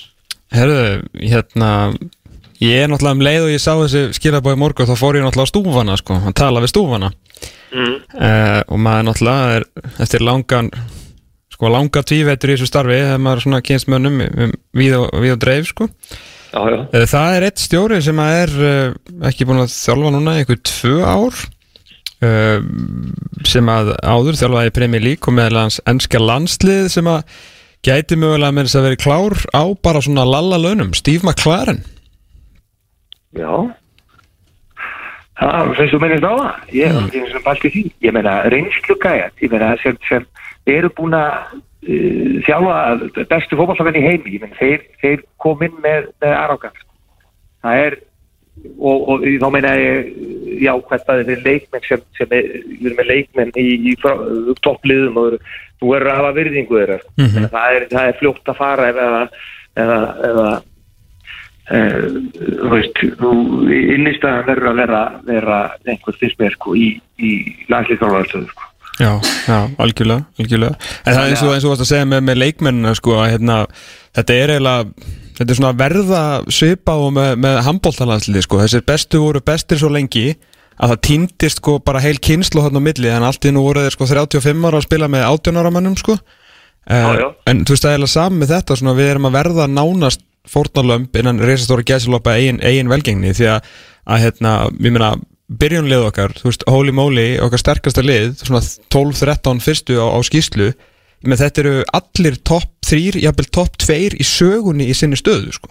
þannig að það er ekkit eðlileg sko, skref og stöður og skór sem að næsta kynsla þarf að fylla. Þannig að alveg skiljalegt að þeir fái og að lítið að mínúndum þegar þeir eru að berjast við þá bestu í sögunni. Já, já, ég, ná, nákvæmlega. Og það, ég menn og ég, mér, mér finnst já, já, ég, ég er samanlega því. Það er svona fyrst með sko. Ég meina þessi landsleikir sem við erum að spila þessi vinnáttu og, og, og annars líkt sko, það, ég meina það fínt að prófa bara dælinn vera eh, meira vera, vera hérna uh, aggressívar í því þar. Mm. Þeir hafa verið duðlega við það, alls konar nöfn sem hafa staðið sér vel og svona, flottir sko. Ég, ég, er alveg sammála því, þeir hafa verið ég meina þeir, ég meina eins og ég segi ég þeir, eh, þetta þjálfara bara er, er, er, er bara á góðu pari fyrst mér sko, ekki spurning sko. Mhm, við við, við, við, við þannig þó að það ekki farið áfram núna. Ég bara uh, þeir hafa gett margt mjög vel sko. það er, er undir spurning með það. En ég, þjálfarinn næsti. Já, ég, ég vona já, ég veit það ekki. Er, er, er ekki mikilvægt að Arda Þó Viðarsson haldi áfram í sínu starfi Þú veist, ef, Jú, ef við jú. missum yfirmark nasputnusviðs núna verður eitthvað ráðið aftur í það þú veist, þú eru ekki að halda áfram á þessari vegferð Jú, ég menna hann á bara að halda þessu áfram. Nú er hann komin verulega inn í, inn í íslenska fótbolta og Nikarasrútun og er að með hann á bara verið því. Og ég held að hann vilji, ég, ég, eru þið svo vissur um að Arna Þó Viðarsson væri til í að taka íslenska annars? Nei, svo, svo bara, bara hann svo augljós kostur að því hann er hann á skrifstofu sko. það er bara, Já, já, veist, já. og, og, og flottur og allt það sko. Og Guðurinn er búin að henda hann strax í stórt ábyrðarhlutverk og svona já, já. Já, ég, ég held... en ég veit að hann er ánæður í þessu starfi sko. Já, ég held bara að sé uh, flottum málum í, í sínu, sínu jobbi, sko. Ég held að það sé ekki, sko. Ég held að, ég, ég meina, hann er ekki fyrstu kostur eða annar eða þriði hjá mér, sko. Það Nei, er bara ekki ala, ekki alveg, ekki strax. Nei, Hva, Hvað önnur svona erlendunöfn hafa dúkað upp núna? Solbakken? Já, hann er náttúrulega geti verið og, og, en, en Har- Haradætt, en á og við. Sko, og, og er náttúrulega komin til Rosenborgar uh, spurning hvort hann sem eitthvað klásóli og hann vil fara aftur í en, svona aðeins að, en það, hann er kannski fítn ef við erum bara í pælinguna við séum ennþá bara með gott lið og veist, hann er bara svipað kall og lalli og svona uh, en síðan hérna sko Stóli, hérna ég var ræða við stúfana í morgun og hann var með tíu sinnum hærri laun heldur en Lars Lagerbæk var hér á Íslandi sko, við vorum að meta svona lalla í kringum 20-25 miljónur íslenskar ári uh, Stóli var með 225 á ári hjá FCK hann að ekki Já, já. alveg að sjá hann Nei. þetta hérna fyrir, fyrir hnetur sko Nei, nei, nákvæmlega ég er, ég er, ég er þetta sammálaður. En eh, hérna, þetta er ég, í saman sem hef ekki eitthvað svör að ellendu þána, ég er bara að verða þau ekki næ, ég, Já, alltaf ég er með þau, menn þetta er alltaf eibjössi minn þú bara, Já, þú sér um hana. Ég bara, nákvæmlega, ég hef ekki, ekki, ekki, hérna, ég, það verður alltaf að breyttu, það er orðið ljóst. Já, það er ljúst og verð, verð, verða þær búinir að fyrir dráttin eða býða þær eftir hann? Það er það góð pæling.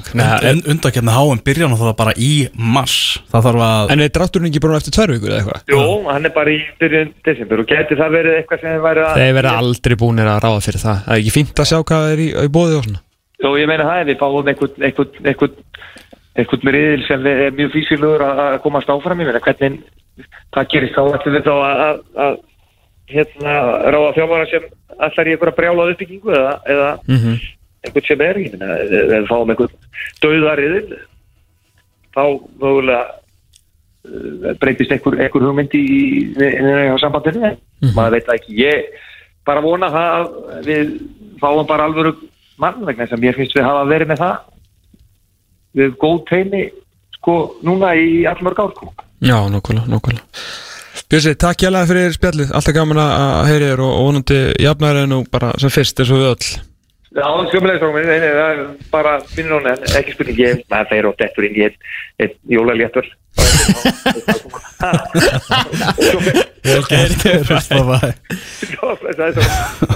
Þessi reyðas Léttur Já, þetta er að, er að kveðja okkur uh, eftir, eftir 180 mínútur í, í viðbót. Þetta er svona Viljum við ekki líka Kára Átnason inn í, inn í teimið Þú veist, bara halda honum tengdum þessu?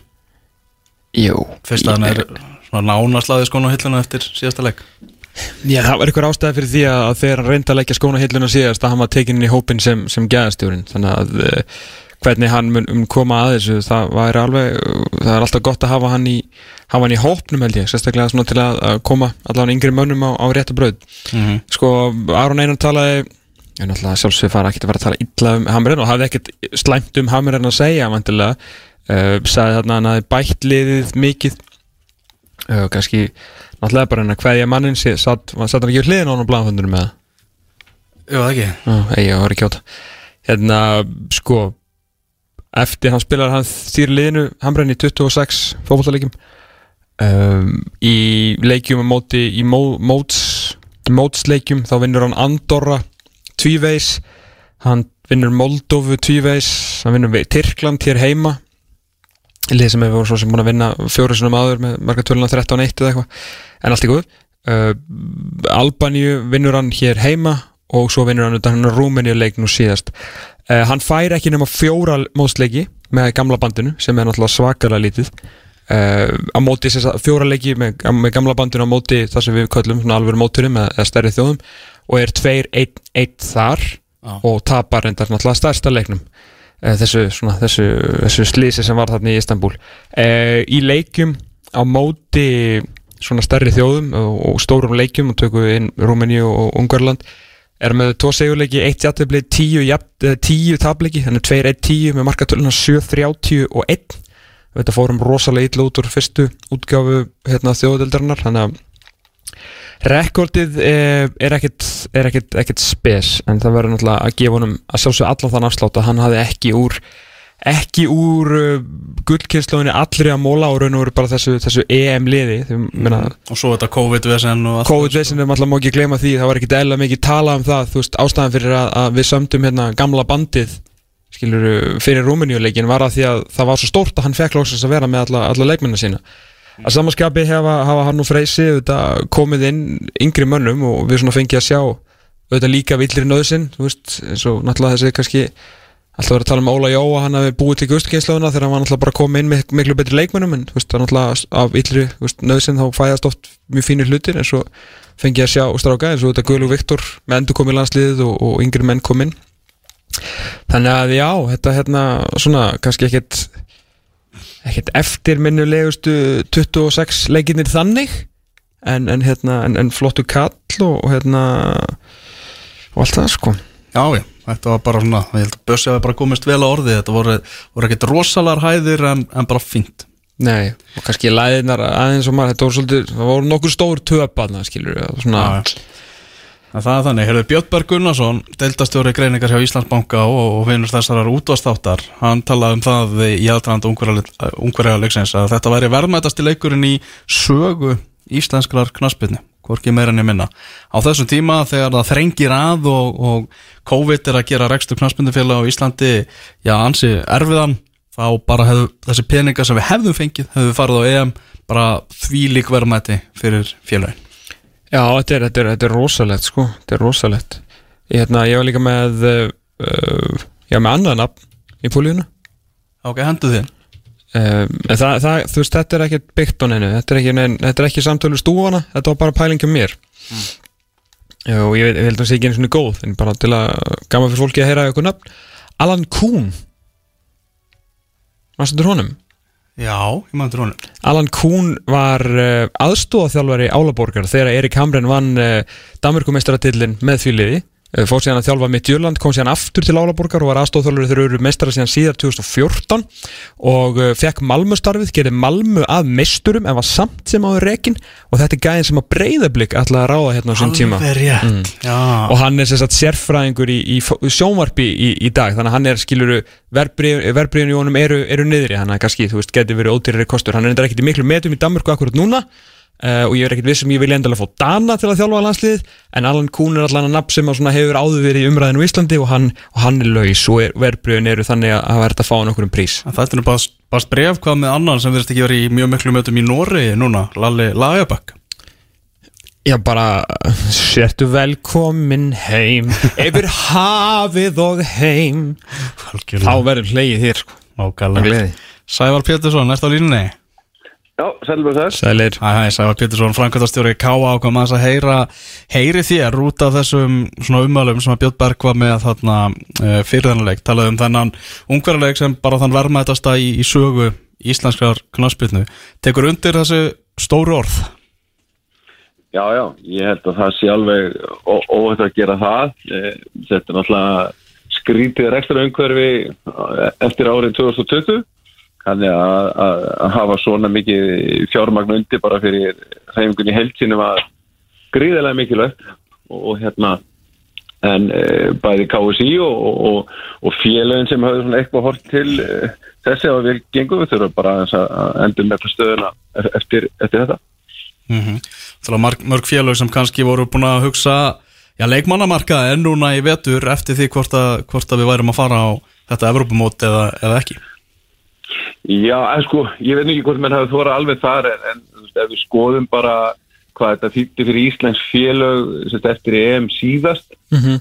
að þá eh, komu rúmar 450 miljónir króna sem deildist niður á félögin. Og þar voru stærstu félögin að fá á milli 15 og 18 miljónir uh, vissulega var, var það uh, fóru allar leið uh, mun lengra heldur en bara inn í keppninu þar.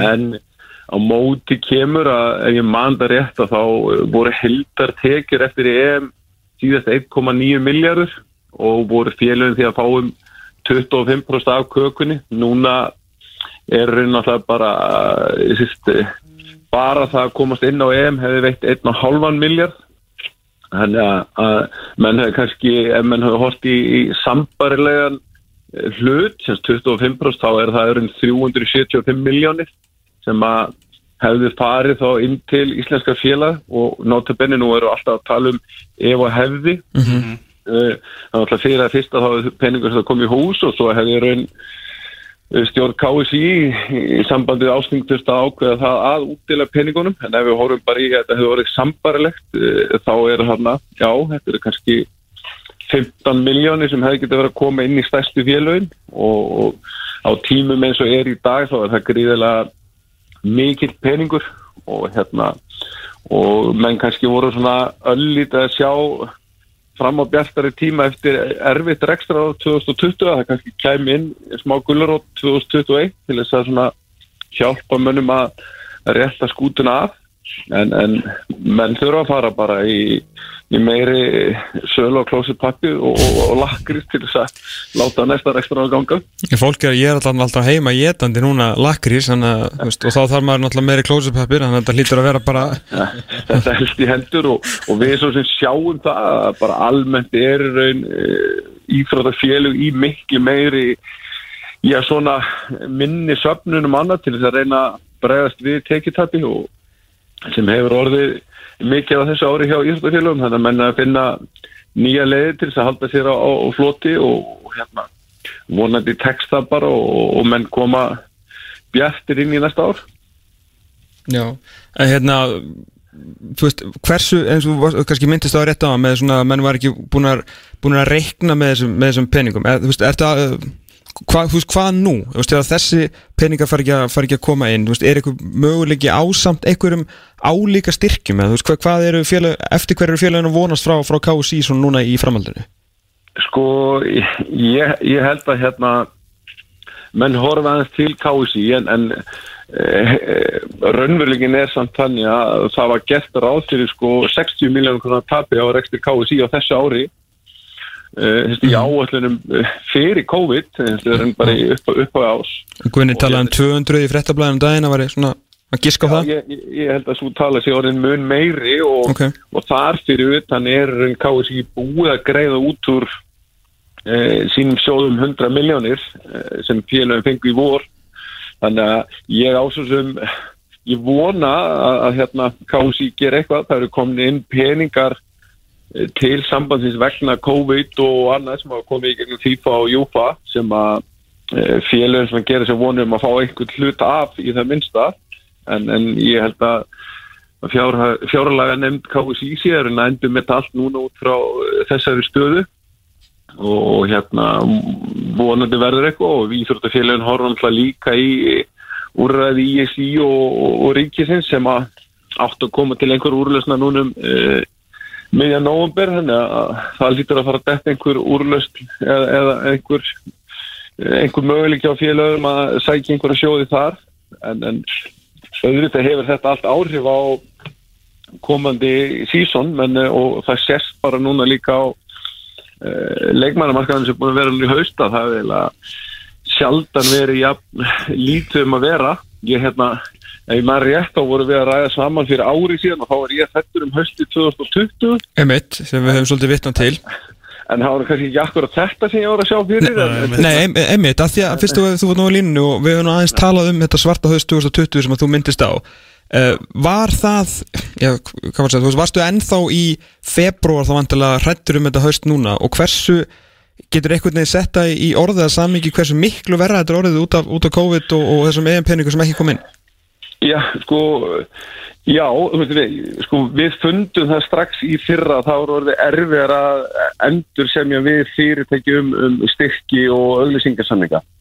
Það bara, það var aðeins erfiðar í efnaðsumhverfin hjá fyrirtækjum. Síðan eh, 2020 þá hefur náttúrulega freygt miklu meira af og eh, ég held samt að mörg af íþjóðafélagum sé að halda ennþá kannski sínum stærstu styrtaræðilum einhverja fréttir reyndar um að það séu svona einn og einn eh, stór styrtar að fara út en það sem er kannski mest í þessu er að eh, félögin, eins og ég segi, þessi milli stóru fyrirtæki sem voru kannski að styrkja félögin um 200, 300, 400 skalla, þau hafa öll haldið að sér höndbóðum. Þau eru en klippa á allt svona bara þess að halda sínu eh, sínum rekstri gangandi og það hefur raun alveg held ég öll reyfingi fundið fyrir það. Ég meina við það var sendt út könnun á vegum ITF um daginn á, á aðaldafélagin í eh, efstu tegumdeldum í Karla Mm. og þar kom í ljós að tekjutabi sem félagin er að lendi meðatala árinu núna er, er um 30 miljónir eða sem þetta er um 300 miljónir, millir 300 og 400 miljónir sem að tekjutabi er að verða í þessum deildum á árinu 2020 þetta eru svona um, að meðatali einhverja 19 miljónir í, í pepstil Karla og, og millir 10 og 11 miljónir í, í lengjurverð Karla. Þannig að ég geti rétt ímyndað eitthvað sko hvað er að herða að. Vissulega brugðust mjög mörg fél við strax í vor þegar mann sá í hvað stendu og endur sendu við leikmenn og, og þjálfara og hafa kannski brugðist uh, vel við. Þannig að, að tapið er, er ekki jafn slæmt og stendi í en, en tekirnar hafa vissilega minga hjá, hjá mörgum félögum og, og ég held að þetta verður svona eins og eftir eh, 2008 að það tók mörg íðröndafélag bara 5 til 8 ára að komast upp í sama tekjumlega aftur og var 2007-2008 sko. Já, já, Þannig að þetta var ekkit bara, þú veist, eitt sísón sem að þetta datt niður. Þú varst kannski bara eh, fyrirtæki sem voru komin upp í það að styrkja um halva miljón eða miljón að þú, það tók þig bara fimm ár að koma því aftur á.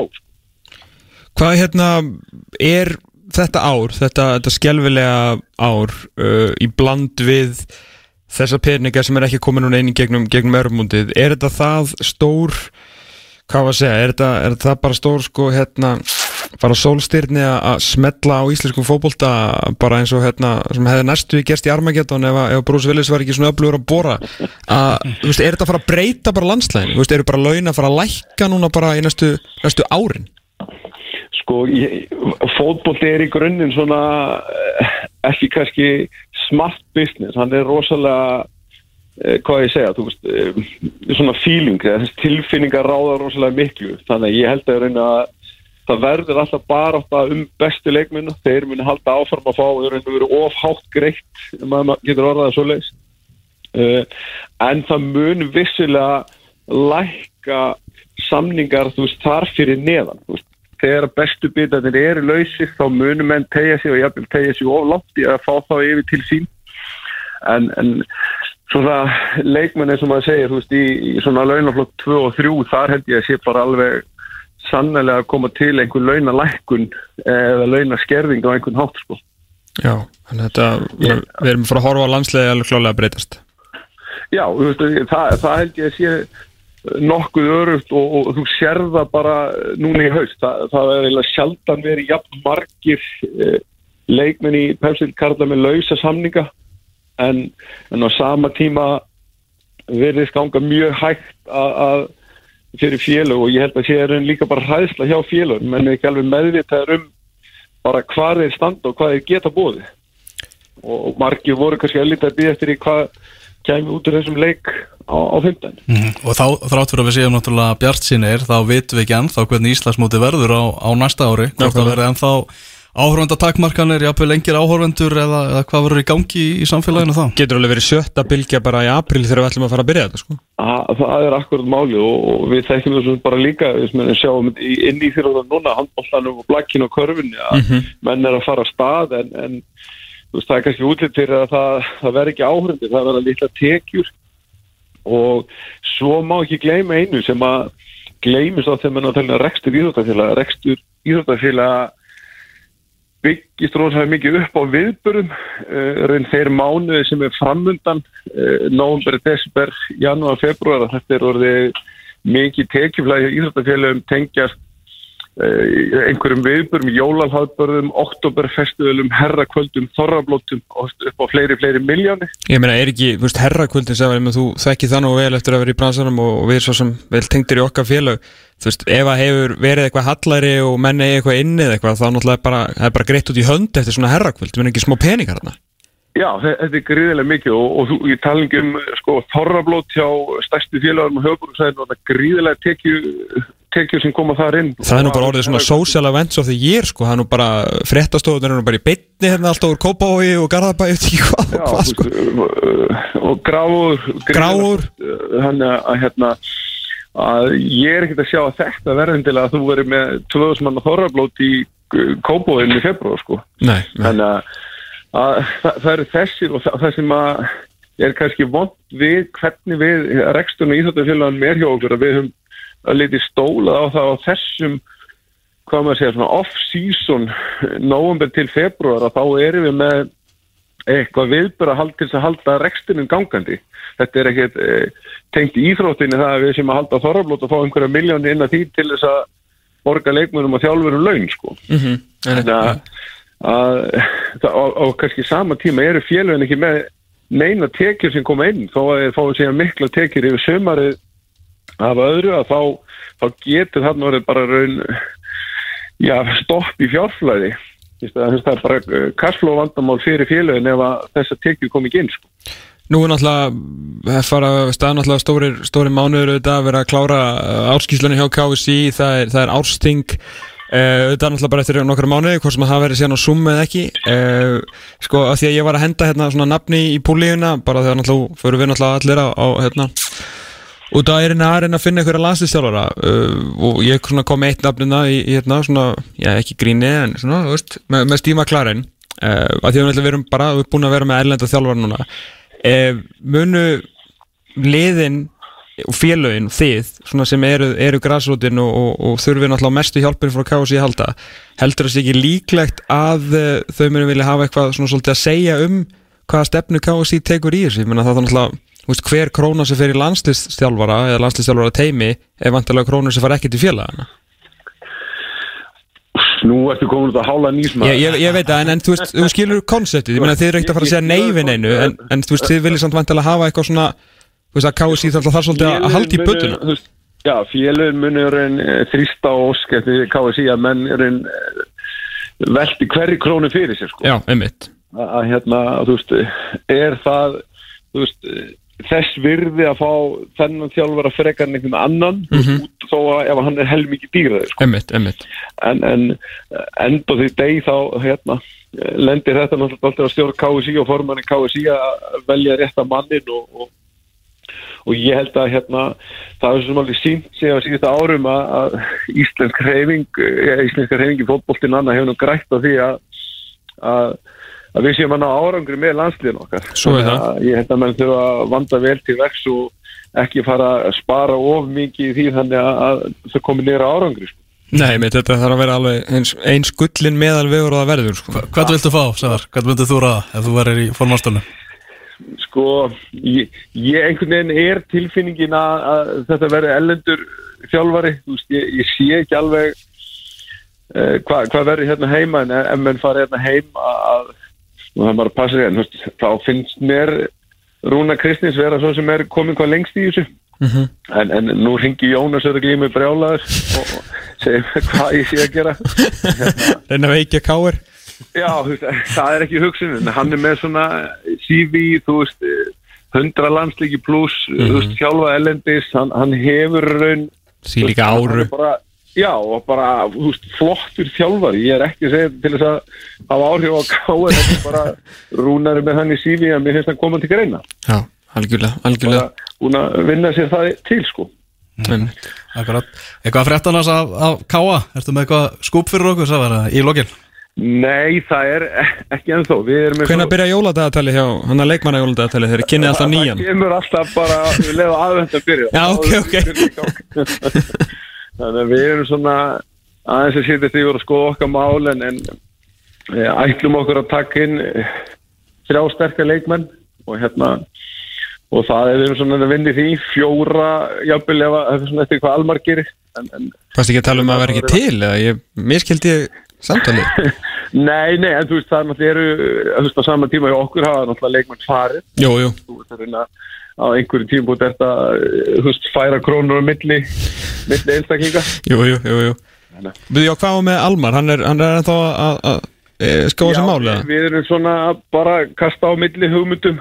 Uh, hann, hann hérna uh, frúin er ólétt. Jú, jú, og það er kannski ekkit auðvelt að hérna fara að flytja hann á milli í, í, á, á síðustu vikum meðgöngurina, þannig að við erum svona aðeins að skoða hvernig er þetta púslægi og, og, og tökum þann dans bara næstu dag. Ok, ok. Elegans, Sjávi Pétursson, faggastöri Knastbunni Félags Akurá, takk hjá fyrir spjallið að vanda. Frábært að heyrir, Takk sem við leiðis og gangið vel. Takk fyrir bæ. Bye bye. Þú ert að hlusta á fótbolti.net á exinu 977 ætlum að fara að vinda okkur yfir í Pepsi Max-deltina ætlum að fara að heyra hérna í Davíð Þór Viðarsinni eftir, eftir smá stund. Eður Smári, tengdur þeim bræðurum ansi sterkum böndum. Hann og Arnar Þór Viðarsson áttur að möðu þetta á einsáslandslið núna er Davíð Þór Viðarsson og hann aðstofamaður Eður Smára hjá, hjá FA og svo náttúrulega hjá, ykkur, í- hjá okkur í, á símanum. Þá eru það eru Eður og, og, og, og Bjarni Þór Viðarsson að, að vinna ansi vel saman. Þeir eru allstaðar. Eður og bræður, bræðurnir Það er þannig. Heldur betur Davíð Þór náttúrulega búin að vera einn besti leikmaður hérna um, um áratugsbil í, í þessari deild og svona eins og ég kannski komið inn á inn á síðasta á svona sem maður svolítið svona sem uh, svona heimi, heimi Guðjónsson nema kannski maurinn er að heimir kom aðna sem káringur og breytti svolítið gangi mála bæði inn á vellinum og síðan sem aðstofþjálfari og, og þjálfari en Davíð náttúrulega borin og barðsættur er af, er af konungsættum í félaginu mm og hann uh, aðstofmaður eða smára Guðjónsson þar með síðan uh, Lóa Ólafsson sem, sem tæknilega ráðgjafa. Já, þetta er áhugavert teimi og náttúrulega laugi farin og hann tekið við, tekið við þrótturunum. Hann er aðeins verið að, að hrist upp í hlutunum og reyna svona að, að byggja upp á þessu góða sem hefur verið í, hefur verið í gangi hérna í síðustu, síðustu leikjum. En hann ætti nú að vera á, á línu þetta stórfunum þáttarins, eh, svo bestu sem séð þessari delt núna, já, ný hættur sem pöndit komin aftur í boltan á hliðalínuna Davíð Þór Veðarsson, hell og sæl Já, sælur blessaður. Hvað segir þú fint í dag? Ég er bara nokkuð góður. En það ekki? Jú, en svo oftast bara. Já, það er enda, það er enda rétt sko. Hvað hérna, hvernig svona rétt ánum förum í, förum í, í þín persónulega mál Þú búin að jafna það eftir, eftir 50 daginn? Já, já, ég er alveg búin að jafna mig. Þetta var þetta ótrúlega svekkjandi og, og svona lítið sem benti til þess að, ungverðinni væri að fara að skora í þessu leik þannig sé en, en svo er hann oft hann, ég veit að menn eru búin að vera að tala um að, að, hérna, að það hefur vantað upp á leikform og annað slikt hjá ykkur leikmenni sem er svo sem alveg rétt en ég held samt að, að í sama í hversi góði leikformið þú ert þegar þú þarfst að verjast eins og við þurftum að verjast lungaður þessu leika að þá er bara ótrúlega mikil hætta á að, að þú fáir e- eitthvað svona marki andliti eins og kannski sérstaklega fyrsta marki, var sem var alltaf algjör óöfni en hún verður frekar til þegar menn eru orðnir mjög þreyttir og, og farnir að stífa tungun á sér eins og, eins og var í þessum leik. Emmitt, emmitt Herru, en, en, en að þér Davíð uh, sjónvarskikkið, það var, það var eitt ár var það svona, var það svona leðilegt að langaði bara aftur í boltan? Nei, það var mjög skemmtilegt ég, hérna, og þú veist, ég hafði svo sem ekkert e, e, þetta var ekkert sem að ég var á stefnuskanni hjá mér að, fara út í þjálfun en, en hérna svo kom þetta tækifæri upp og, og, og mér bauðst þetta starf og mér fannst það bara vera það spennandi að, að, að svona já, mér fannst ég bara ekki geta sagt, sagt neyði Nei, og, og teimið er náttúrulega mjög, mjög spennandi. Eður komið ansi flottur hérna inn og, þeir svona eru saman tveir þó kannski þeir ruggla aðeins, aðeins, aðeins hlutverkurum þannig að það voru með ævintilega reynslu besta leikmann sögunar uh, og þig Já, það, er rétt fyrir og mikla reynslu úr þess að deild náttúrulega og, og náttúrulega svona F-fóngin kannski í þér. Já, já, og hérna, þú veist, ég er náttúrulega bara, það er það sem er náttúrulega virkilega spennandi við þetta að, að fá að, að hérna, vinna með Eyði og vinna með Loga og, og Logi náttúrulega var eh, þjálfarinn sem að gaf mér tækifæri í þessu til til 17 ára. Einmitt. og hérna, þannig að, og ég náttúrulega bara þekki Loga mjög vel og, og þú veist, það er náttúrulega hafsjór af, af reynslu og fróðleik sem að hann kemur með að borðinu og ég þú veist, hann, hann áttur að vera náttúrulega líka mjög, mjög mikilvægur eh, varandi varandi marga þætti hann hjá okkur. Mm Hva, Hvað er það svona sem að, sem að þú vilt koma inn með, með inn í, í F-fólið eftir, eftir að þú fóstu þetta mikið verið talað um að vanti eitthvað killer mentality, fólk er ekki hrætt við uh, krigan lengur eitthvað svona, ég veit ekki, svona FO of old, FO þegar þið réðið yfir þessari, yfir þessari deild, hva, hvað hefur þar vantað og hvað ætlað þú að koma inn í þetta til að bæta það? ég held bara að við höfum einhvern veginn svona aðeins eh, fyrsta lega held ég að við höfum svona aðeins hérna orðið bara félagi sjálft orðið aldrei svona væri kært vegna velgengni Mm -hmm. og við svona kannski glemdum aðeins því sem að skipti náttúrulega líka máli að við veginn hættum að fá unga leikmenn upp í meistarflokkin og, og hérna með svona alvöru alvöru F á, F á hjarta. E, það hefur svona orðið smá breyting þar á undarfærin áfins mér og, og hérna það er svona úlingastarfi er orðið, orðið virkilega flott og, og við erum alveg strax varnir að sjá það að það er að koma, koma ungir og spennandi strákar upp og, og við erum að halda áfram áfram þar og svo held ég að við þurfum líka bara, þú veist, fyrir mér sem leikmaður þá snýrist þetta bara um að vinna. Og, og hérna við einhvern veginn við töpum því einhvern veginn hana á nokkra ára tímabili. Mhm. og mér fannst það eh, svona setjum til þessa tímabil þá fannst mér að við nátt í aftur. Við vorum ekkert alltaf að spila alveg fótbolta og, og, en, en við vorum að ná í úslit og ég meina árangurinn hjá Loga og Eið, Eiði var náttúrulega mjög góður. Mhm.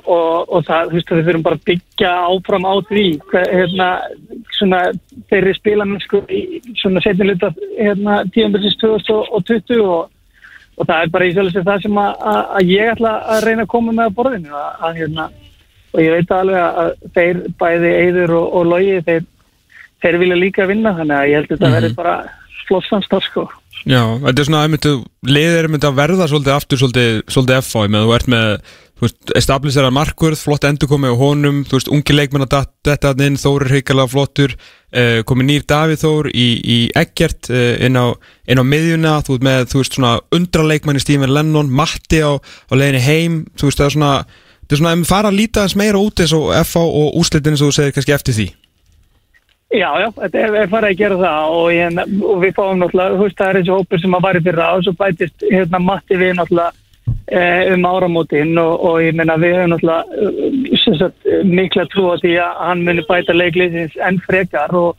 svo erum við að fá náttúrulega, þú veist, talandi um að vera með unga stráka, þá erum við náttúrulega að fá vúk líka Jú, jú. eh, til þessu okkur og hérna við náttúrulega eh, bindum miklar vonir við það að, að hann hérna ég veist að þetta mun að kannski taka tíma en, en hann er eftir að geta orðið virkilega góði leikmar í þessari dild og, og við ætlum að, að, sjá til þess og hjálpa hann að verða það Já, er eitthvað, er meira svona, þú veist, er það að, að skoða frekari, frekari styrkingar? Nú ertu náttúrulega komið í þetta sæti og farið svona spurningar, sko.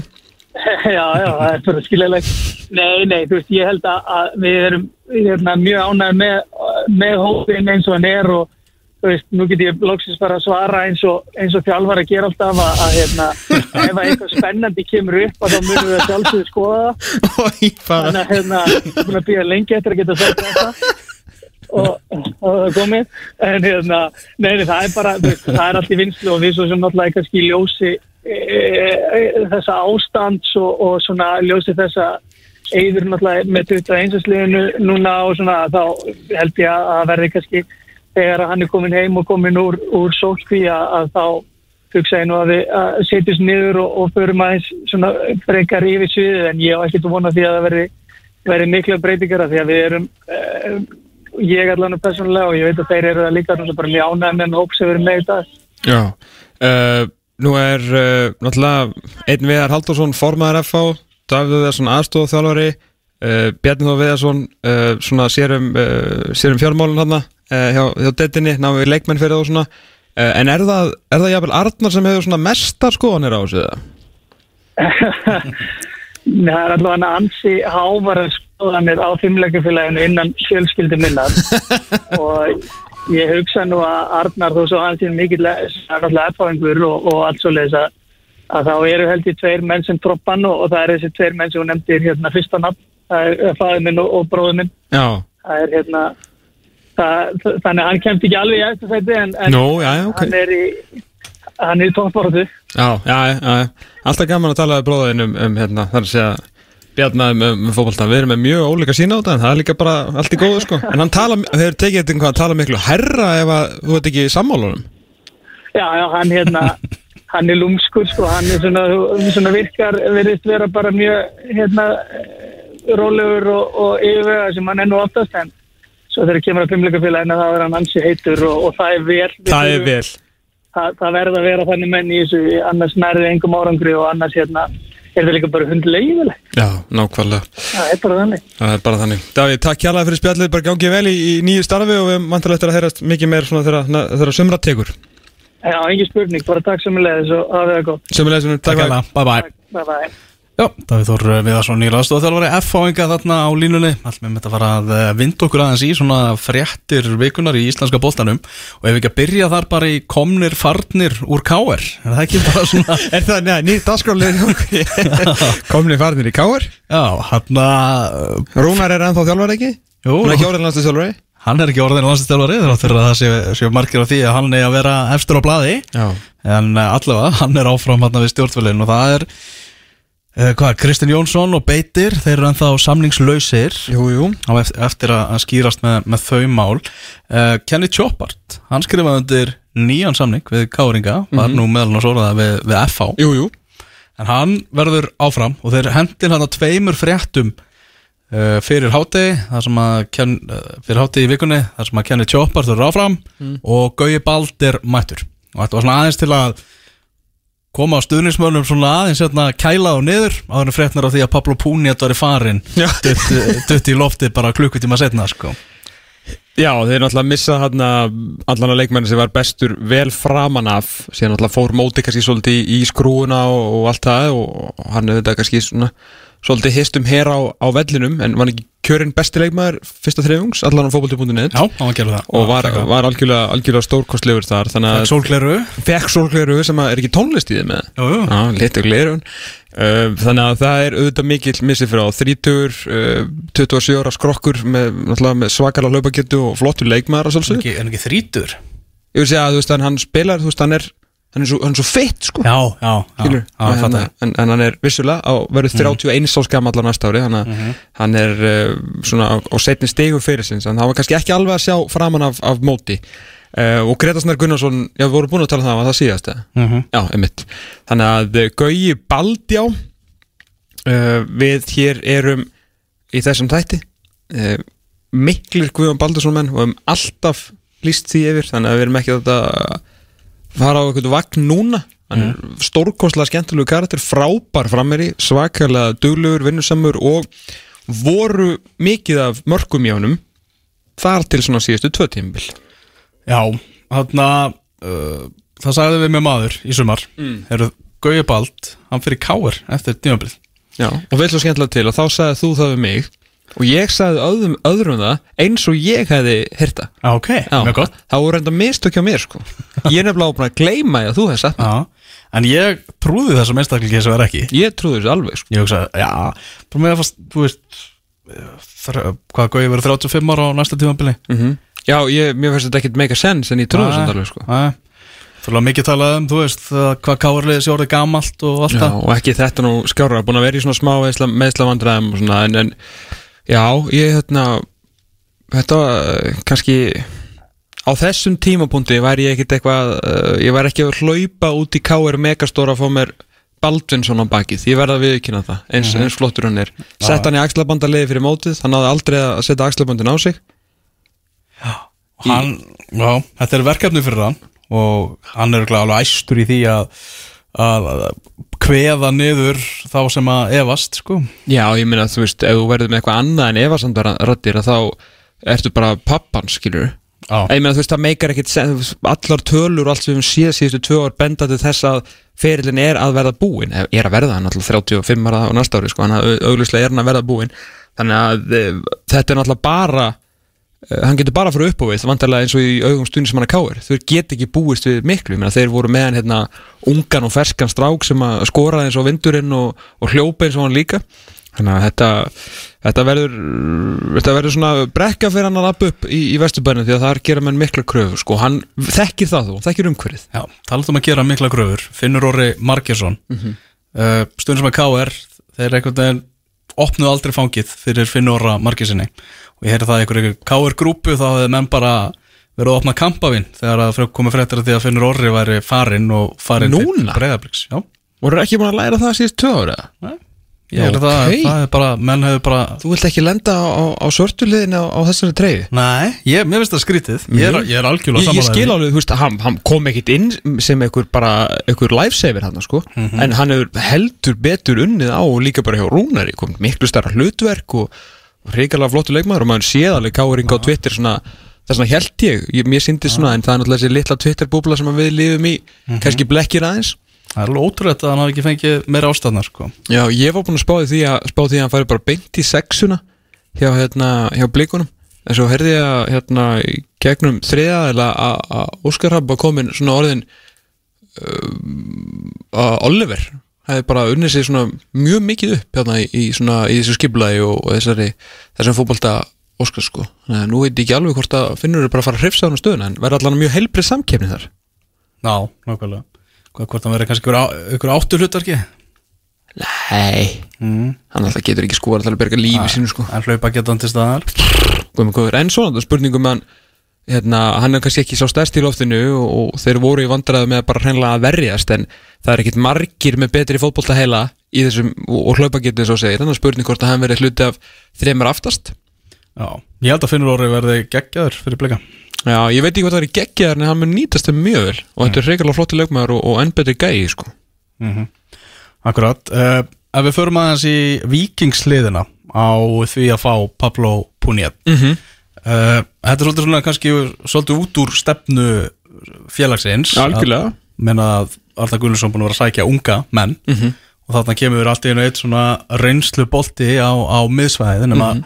Arda vil meina það að þetta sé bara maður sem er að fara að koma inn hérna og bæta ákveðna veikleika hjá, hjá liðinu Já, sko, það er engin spurning að, að náttúrulega til að byrja með nær vikingur valla í lið eins og staðan er, er, er akkurat núna og það er erfitt að týna bara einhverja unga leikmenn af, af trjánum einhver sé er þetta hárétti að þetta er ekki í, í þessu stefnu að finna bara, þú veist, það er eitthvað erfitt þú veist, það er langt í mótið, sko. Þú náttúrulega bara ferð og leitar að ungu leikmennum og heldur áfram þessa stefnu eða ekki.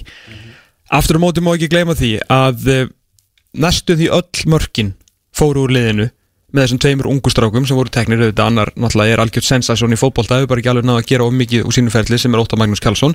Uh, hann skora hann einhver nýju mörk og síðan strákur þessu við, tókum heim björgum ferlinum hjá, skilur Ágúst Efa Linsson, komin aftur í atvinnum mennsku og bara þökkum, kunnum honum bestu þakki fyrir sínstörf það skoraði engin annar leikmaður meir en eitt mark fyrir vikingsliði þannig að það var sárlega vantar mörk. Og þrátt fyrir að þeirra hafa staðis ágætlega þá vantaði líka fullt af mörkum á tímbilin núna. Pál Puniet sem átta sem svona það sem er nýja orðið indrilöpur sem ég var að læra hjá Bjarnar Guðars Já, um ég heyrði þetta aftur notað um daginn Þetta er bara komið til að vera í íslenska boltamálinu. Herri, ég var einmitt að hlusta á Davíð og Viðarsson hjá Jóaskúla af því að hérna, hérna, maður hefur ekkert annað að gera en hlusta podcast núna og þá var hann að tala um að indrelöpur hjá Rosenborg. En, hérna, en það eru í honum. Það eru honum.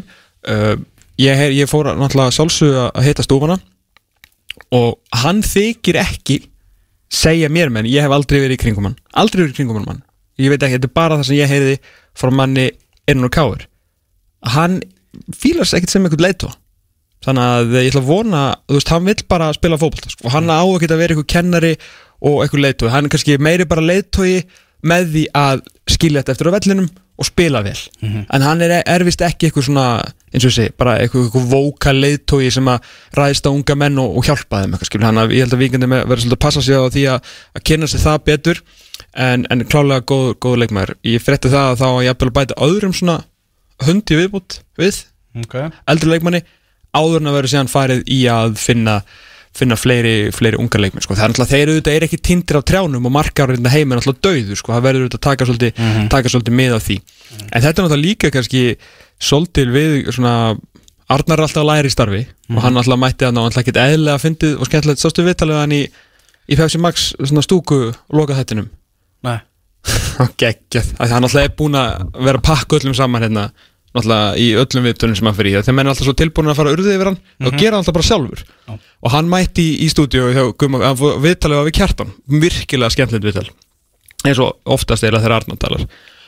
Og það voru allir sko, það voru að menn voru búin að rífa upp heikaflana og skóplurnar og kindlana og það átti bara að sko jarðsetja Arnar og Káur og Vingslið þannig að Arnar tók bara 14 mínúna viðtal 10 mínúna viðtal ég er bara að drulla yfir allt í vikingsliðinu sjálfan sig, framistöðuna bara það var allt ömulegt skilur sló öll vopnin úr höndunum á þeim þannig að Reynir Leosson og hver á með honum? Ah, fjandinn hafa Reynir og sá sem var með honum endur bara á því að rósa vikingsliðinu okay. það var ekkert eftir en, að rósa þeim fyrir, fyrir góðan fólta hérna, þannig að já, þeir eru kannski bara áttu að því að því er ekki að vera með svona mikið á ungum mönnum, ég meina við sjáum Já. alveg liðin sem eru að vinna þetta mót, en sko ég er bara ekkert að hérna, veist, ég veit ekki, veist, á vikingur að fara að satsa að vinna þetta mót, veist, ég vil bara hafa unga stráka og gera mistök og hafa gaman, sko, það er mín sína á daginn, Arna vill alltaf vera Íslandsmestari, alltaf að gera það í ár. Ég tók alltaf viðtal við Pablo og hann talaði um svona Já bara hann hefði ekki náð samkomulega við KR Þeir fóru í samninga viðræður og hann sagði bara KR þarf að taka erfiðar ákvarðanir fjárhagslega Þannig að hann fekk ekki samningin sem hann hafði vonast eftir hjá, hjá. Og þarna Ég held að það sé nú bara ekkert mál að KR eins og fleiri félög Það er svona, það er hart í ári eins og Sæfa Pétursson kom að, kom að máli á þann heldur betur. Þetta er nú bara bref hérna að aganend, þetta er, þetta er byrtan ábyrðar þetta er, þetta er saga. Að aganemnd hafi vísað káurmálinu frá það er að segja þessari kæru um, um að Íslandsmótinu hafi verið slaufað. En uh, við vitum það að káur fer, fer með þetta áfram. Þetta Já, fer þá já. til áfrýjuna dómstólsins og Einmitt, Þetta er bara rétt að byrja. Þetta er bara rétt að byrja. Herðu en reysa fréttir úr, úr Garðabænum í gær Rúna Páll, við vorum nú með hann í viðtali hérna um daginn. Jú, jú. hann, Samband hans og Óla Jó það, það hjónaband, það, það, það stóð ekki lengi. Nei, og það var bara spurning hvort að hann var ekki að fara að sækja já, bara hva, hver er þið nýr aðstóðarþjálfari hjá honum? Kemur inn í teimið Totti Örliks, Þorvaldur það var heilt ár af þessu viðbútt að vita ekki hvaða tískupilgi er þetta í íslensku félögu núna? Þróttaratir hérna, nágrannar okkar þegar þið tóku fimmuna? Herru, við höfum ákveðar að þjálfara, þjálfaratir eru uh, Tómas Ingi Tómasson, Bjarnólfur Lárusson, Þórður Einarsson og eitthvað hérna fram. Mhm. og aldrei tilgreint hver var aðalþjálfari þrátt fyrir að Tómas Ingi var aðalþjálfari í þessu teimi Já, Sigur Sælstæli og þessari öll fimmleikafélag hafnafjörðar ákvaðu til dæmis að- ráða Loga Ólafsson og Eis Mára. Og það vissi enginn að Logi var aðalþjálfari. Ég þurfti að útskýra það hérna fyrir öllum sko. Og nú kemur tilkynning frá Garðabænum í gær um að Þorvaldur Örlaugsson sé ráðinn inn í þjálfarateimið mm, Alveg svo þú Ólafur var gerður Ólaf Jóhansson að þjálfara með Rúnari Já, maður veit ekki, er hann aðstóðarþjálfari Rúnars? Er hann aðalþjálfari? Er hann, er hann markmannstólari? er hann kannski tæknilegu ráðgjafi eins og Logi? Er hann yfir maður knaspunnisveis? Þetta er ekki, hann bara ráðinn eitthvað inn í, inn í teimið sko- eitthvað, ég skil ekki hvergi annars þar í heiminum er, er, er Þeir, eru- þeir eru búnir að fara í gegnum ár við að giska bara Já, það er það sem vilja Já. En sko þeir eru búinir að fara í gegnum ár á því að allir eru að velta sér upp á því hverjir, hver ræður Já. hver ræður, skilur, og ég veit, ok, allt í lagi að þeir að skiptir aðalmálun og þeir viti það Mhm. en það er eins og þetta sé eitthvað svona leikur á því að allir er að giska þeir alltaf eru að gleyma kannski uh, nokkurum hana, uh, kannski svona nokkur þúsund manns sem eru stuðningsmenn liðsins Mhm. þeir hafa ekki hugmyndum hvað Þorvaldur Ólisson er að gera þarna? Hann kemur inn í þjálfarateimið Já, sér ekki Þorvaldur Ólisson bara heldur mikið fara að keilum og segja brandara? Og ef að titlan, þú veist, Þorvaldur Örlaugsson meðlimur þjálfarateimis eða eitthvað, þú veist. Nei, ég, alveg, ég skil ekki þessu sko. En á hinbóðin, alveg held ríkala stert fyrir stjórnuna að fá Þorvald í, í sína ræðir, ég held að það sé alveg klártmál Þa, Það er ekki, það er svolsöðu Já, og hans hugmyndafræði kannski syngar betur með Rúnari Páli heldur en Rúnar Páll og Óli Jó Já, ég meina þetta var gekk ekki hjá þeim, þeim tveimur. Rúnar Páll var svona svolítið kindalegur hérna þegar hann var að að svara fyrir það síðast og sagði að þetta bara verið allt fínt og frábært en samt sem áður sagði hann setninguna að, að fótboltinn sem að hann var, hann var ekki nógu ánæður með fótbolta sem voru að spila. Og það sáu það allir meðan Arnar Hallsson sérfræðingur okkar að Óli Jó var svona hann, ráðandi eða ríkjandi í, í þessu teimi þannig að þeir fóru að spila meiri Óla Jó-bolta og, og það allan gekk ekki að mati Rúnars uh, ég talaði við uh, stúfana í morgun. Nóg að gera í morgun sko. Uh, og ég, Og hvað veitir marga stúfa alveg út um allt. Uh, Hvað varstu vaknaður eða? já, ég fagnar þetta mjög snemma, 9-10 eða eitthvað. Fáranlega snemma á slöðum Það er þetta full snemma sko.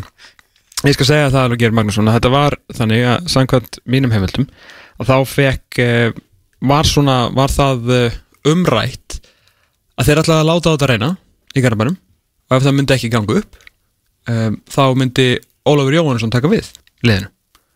Og hann var alltaf þessi eil, og sem að kannski stemmir stigu við það að það var alltaf að tala um að Rúnar færi þá búið skrifstofu. Nú er ekki til henni fjármunir fyrir ykkur skrifstofustarfi fyrir Rúnar. Og Óli, þú að þetta samband var svona bara ok, þetta gengur ekki. En í staðin fyrir að fara með, fara með Rúnar nei, fyrir ekki að velja, þú veist, Óla eins og kannski hefði verið rætt að þá bara helt Rúnar starfinu sínu en það hefði náttúrulega gert stórkostlega hluti þarna þannig þeir ætla bara að halda áfram í Rúnar. Og vegna, og, og þetta, það er, það er alveg staðfest, þetta bara gekk ekki upp. Þannig að við fáum bara Rúnars Pál, Páls boltan bara í, í Garðabænum næsta tímabil. Já, ég meina, Evrópa nánast á hverju ári Íslandsmeistaratitill og, og tveir byggarústaleikir og eitt byggarmeistaratitill Já, hann er bara ósnertanlegur í Garðabænum, það er þannig. Og, Og hefur unnið sér fyrir því. hefur unnið, unnið sinni fyrir því, það er alveg klárt mál. Uh, Talaði við, við góða manni í Garðabænum í En gær að, kannski eina góða fyrir ekki bara, bara það því að nú er actually hreinsun á leikmannhóttum skilur Ah. Þannig að þá er alveg fínt að Rúnar fái að prófa það Mhm. Ég vaknaði ekki jafn snemma á þú en ég talaði við Stúfi í gær úr Garðabænum Mm. og hérna, hann sagði mér að svona einn, einn af risa þáttunum fyrir því að, að stjörnunni fannst gott að fá, að finnst gott að fá Þorvald Já, séð það, þetta tengslanett og, og þekking hans varðandi unga leikmenn á Íslandi sem náttúrulega U19 landslistjálfari og aðstofþjálfari U17 búin að vera í öllum ferðum. Stjarnan er í uppbyggingu eða þú veist að, í, í, að breyting kynnslóðskipti svona hægt og róla gangi gegn hjá þeim eins og við sjáum bara núna eftir þetta tímabil. Og þar er náttúrulega Þorvaldur Örlegsson með bilaða þekkingu þegar kemur að því að, að finna unga leikmenn til að fá inn í Garðabæn Það er bara málið að því að við segjar hvað markaður verður mögulega aðeins svona líflegri heldur en félagskiptamarkaðurinn Pepsi Max. Segð mér. Annar og þriði flokkur. Já, Það er uppbygging í kortunum hjá öllum félögum. Nú held ég að félögin ég veit, ég hérna svona er það krakkarnir sem eru bara bitarnir á markaðnum í vetur? hvernig er þetta búið að vera í, í stóru deildunum? Eru ekki alltaf að sjá okkur félagskipta fréttir á Daily Mail um ykkur 12 ára börn að koma til Manchester United? Já, ég er ekki að segja að þetta verði í þá átt en ég kæmi mér ekki á óvart með þetta samtöl sem ég hef átt í vikunum menn uh, hér og þar að uh, svona það verði aðeins hort í, í, í félagskipti til lengri tíma og það verði svona einhver strætó með og kókumjölk félagskipti í gangi sko. er þau Víður Þorvarðarsson Þetta er nú var best breyf hérna. Hann, hann, var- að týsta uh, náttúrulega yfirgaf IPVAF og, og, og lagði skóna á hilluna og allt það hann er hérna að deila fréttin um það að Hamren sé að fara að hætta með landsliðið. -hmm. og hann segir hérna væri þetta ekki kjörið tækifæri fyrir Helga Sig? Hendur hann hérna inn. Að verða landstjálfari? Já, Nei. Nei, þetta er bara í að því að fá Helga Sig burt frá IPVAF ég held að það sé alveg máli Já, sorry, ég, ég tók þessu of alvarlega. Ég skilði ah, en, en, Já, þetta er, þetta er lúmst grín hjá Víði Þorvarðarsinni Já, hann er grunlega mikill aðdáðandi helga. Já, það er alveg svona að skýra algjörlega í gegn þarna sko. Herru, annars er það svona helst að frétta í uh, hérna Gary Martin fréttum að, að framist að hans á, á Tenerife var bara svona, hún var bara allt í læ það var ekkert sérstakt uh, hann drakk náttúrulega nokkur að púpa mjög rætt fór einu svona eitthvað út á lífið uh, það sem ég, fólk það hljóta allir að vera með COVID af þeim bar uh, og hérna þú veist, já, þetta var ekkert þetta var ekkert spes, þetta var ekkert í líkingu við Mexiko en ég frétti það frá Það verður aldrei toppa Það verður ekki toppa þegar hann þyngdist um 6 kg og 60 en uh, fekk það fyrir eftir í vikunni að þetta er bara fórsmekkurinn hann er á leiðinni til Dominíska lífveldisins Er hann að fara til Dominíska? Já. Þá verður stuð. Þá verður stuð sko. Og við munum fylgjast grann með því og við munum bara algjörlega krifja þá ferð Já. í ræmur í þessum þætti. Ekki nokkuð spurning, ekki nokkuð spurning. Hver hérna getur sagt mér uh, verður Kari Martin í IBF? Það veit enginn. En er ekki líklega samningsbundinn en, kannski fólk út í bæ myndi halda Jú. hann verði áfram í Jú, IBF Ég held það. Ég held að flestir myndu segja bara nei mm -hmm. en það er alveg, það er alveg sens ekki? Jú Ég held að segja alveg Pótisens, hann er, hann er með samning Hann er með samning mm -hmm. Já það, er, það er möguleiki Herðu, það er hérna Hvað er að gerast með Liverpool? Er Varnakallana? allir varnakallarnir mittir Sala fyrir brúðkaup og næsir í COVID Á hann ekki verið í bublu? Er ég að miskil eitthvað? eða? hann fór aðeins út úr bublunni til að fara í brúðkaup hann að bróðu sínum með eitthvað Já, betra kannski að vera í bublunni Það er svona heimsfaraldur í gangi hinnumlega var ekki með grímuna sko. Það verður alltaf, það verður spennand að sjá hvernig Er búið að testa ennskanlandslið Þeir eru voru að spila móti COVID-kalli sko? Er, allt íslenskanlandslið að fara að fá COVID? eða? vonandi ekki. Það væri óskandi sko. Ó, já, jú- En þeir eru alltaf eru í sko Eru minka COVID-landinu já, þeir eru í Danmark það fóru allir með? Þú veist, það er ekkert komið það er engi, engi frétt komin um að einhver hafa dottu úr hópnum eða eitthvað. Nei, en svo er ég að hérna, fá þau skilabóð að Danir eru með nánast hóli móli bara búið að lækna, fenguðu mótefni eða? Í það hlýtur að vera. Já, Já, ég, ég Ég- ég skil ekki neitt. neitt sko. Við erum ekkert, við erum ekkert um hérna leik sem verður Nei, annað við kvöld erum ennþá á 50 sko. Algjörlega Ísland-Danmörk eða Danmörk-Ísland frá Parka 1945 annað kvöld og svo á miðvíkudaginn þá er það á Wembley. Já, þeir fá þó vemblið strákvöldnir Það er Já, ekki, þó að Það er alveg, alveg geggja sko. og ég ekki halda mig við það að Ísak Bergmann muni koma þá inn og, og spila sem fyrsta landsleik? Jú, ég, ég, ég fann að hlakka til að sjá Ísak á móti Englandi á vemblið Það er það er virkilega fint Það það er nætið Salgi, hún við þurfum bara að leipa henni aftur á stað. Svakalegu þáttur baki, herri mig Sæfari Pétursson um fjármólin, Björnsar Hreiðars um, um, hérna, um, um leikin og Davíð og við um Pepsi Max fórum yfir fréttinnar, fórum yfir landsleikin, kröfum hann til merkjar, þetta var vond, uh, þetta verður bara verra en svo verður þetta búið, gangi ykkur vel á morgun, stráka ekki dönum, vinnum þá smá sárabót, Tómas Stóra Elva ger aftur þetta 6 og 22 tíma, þanga til veriði sæl.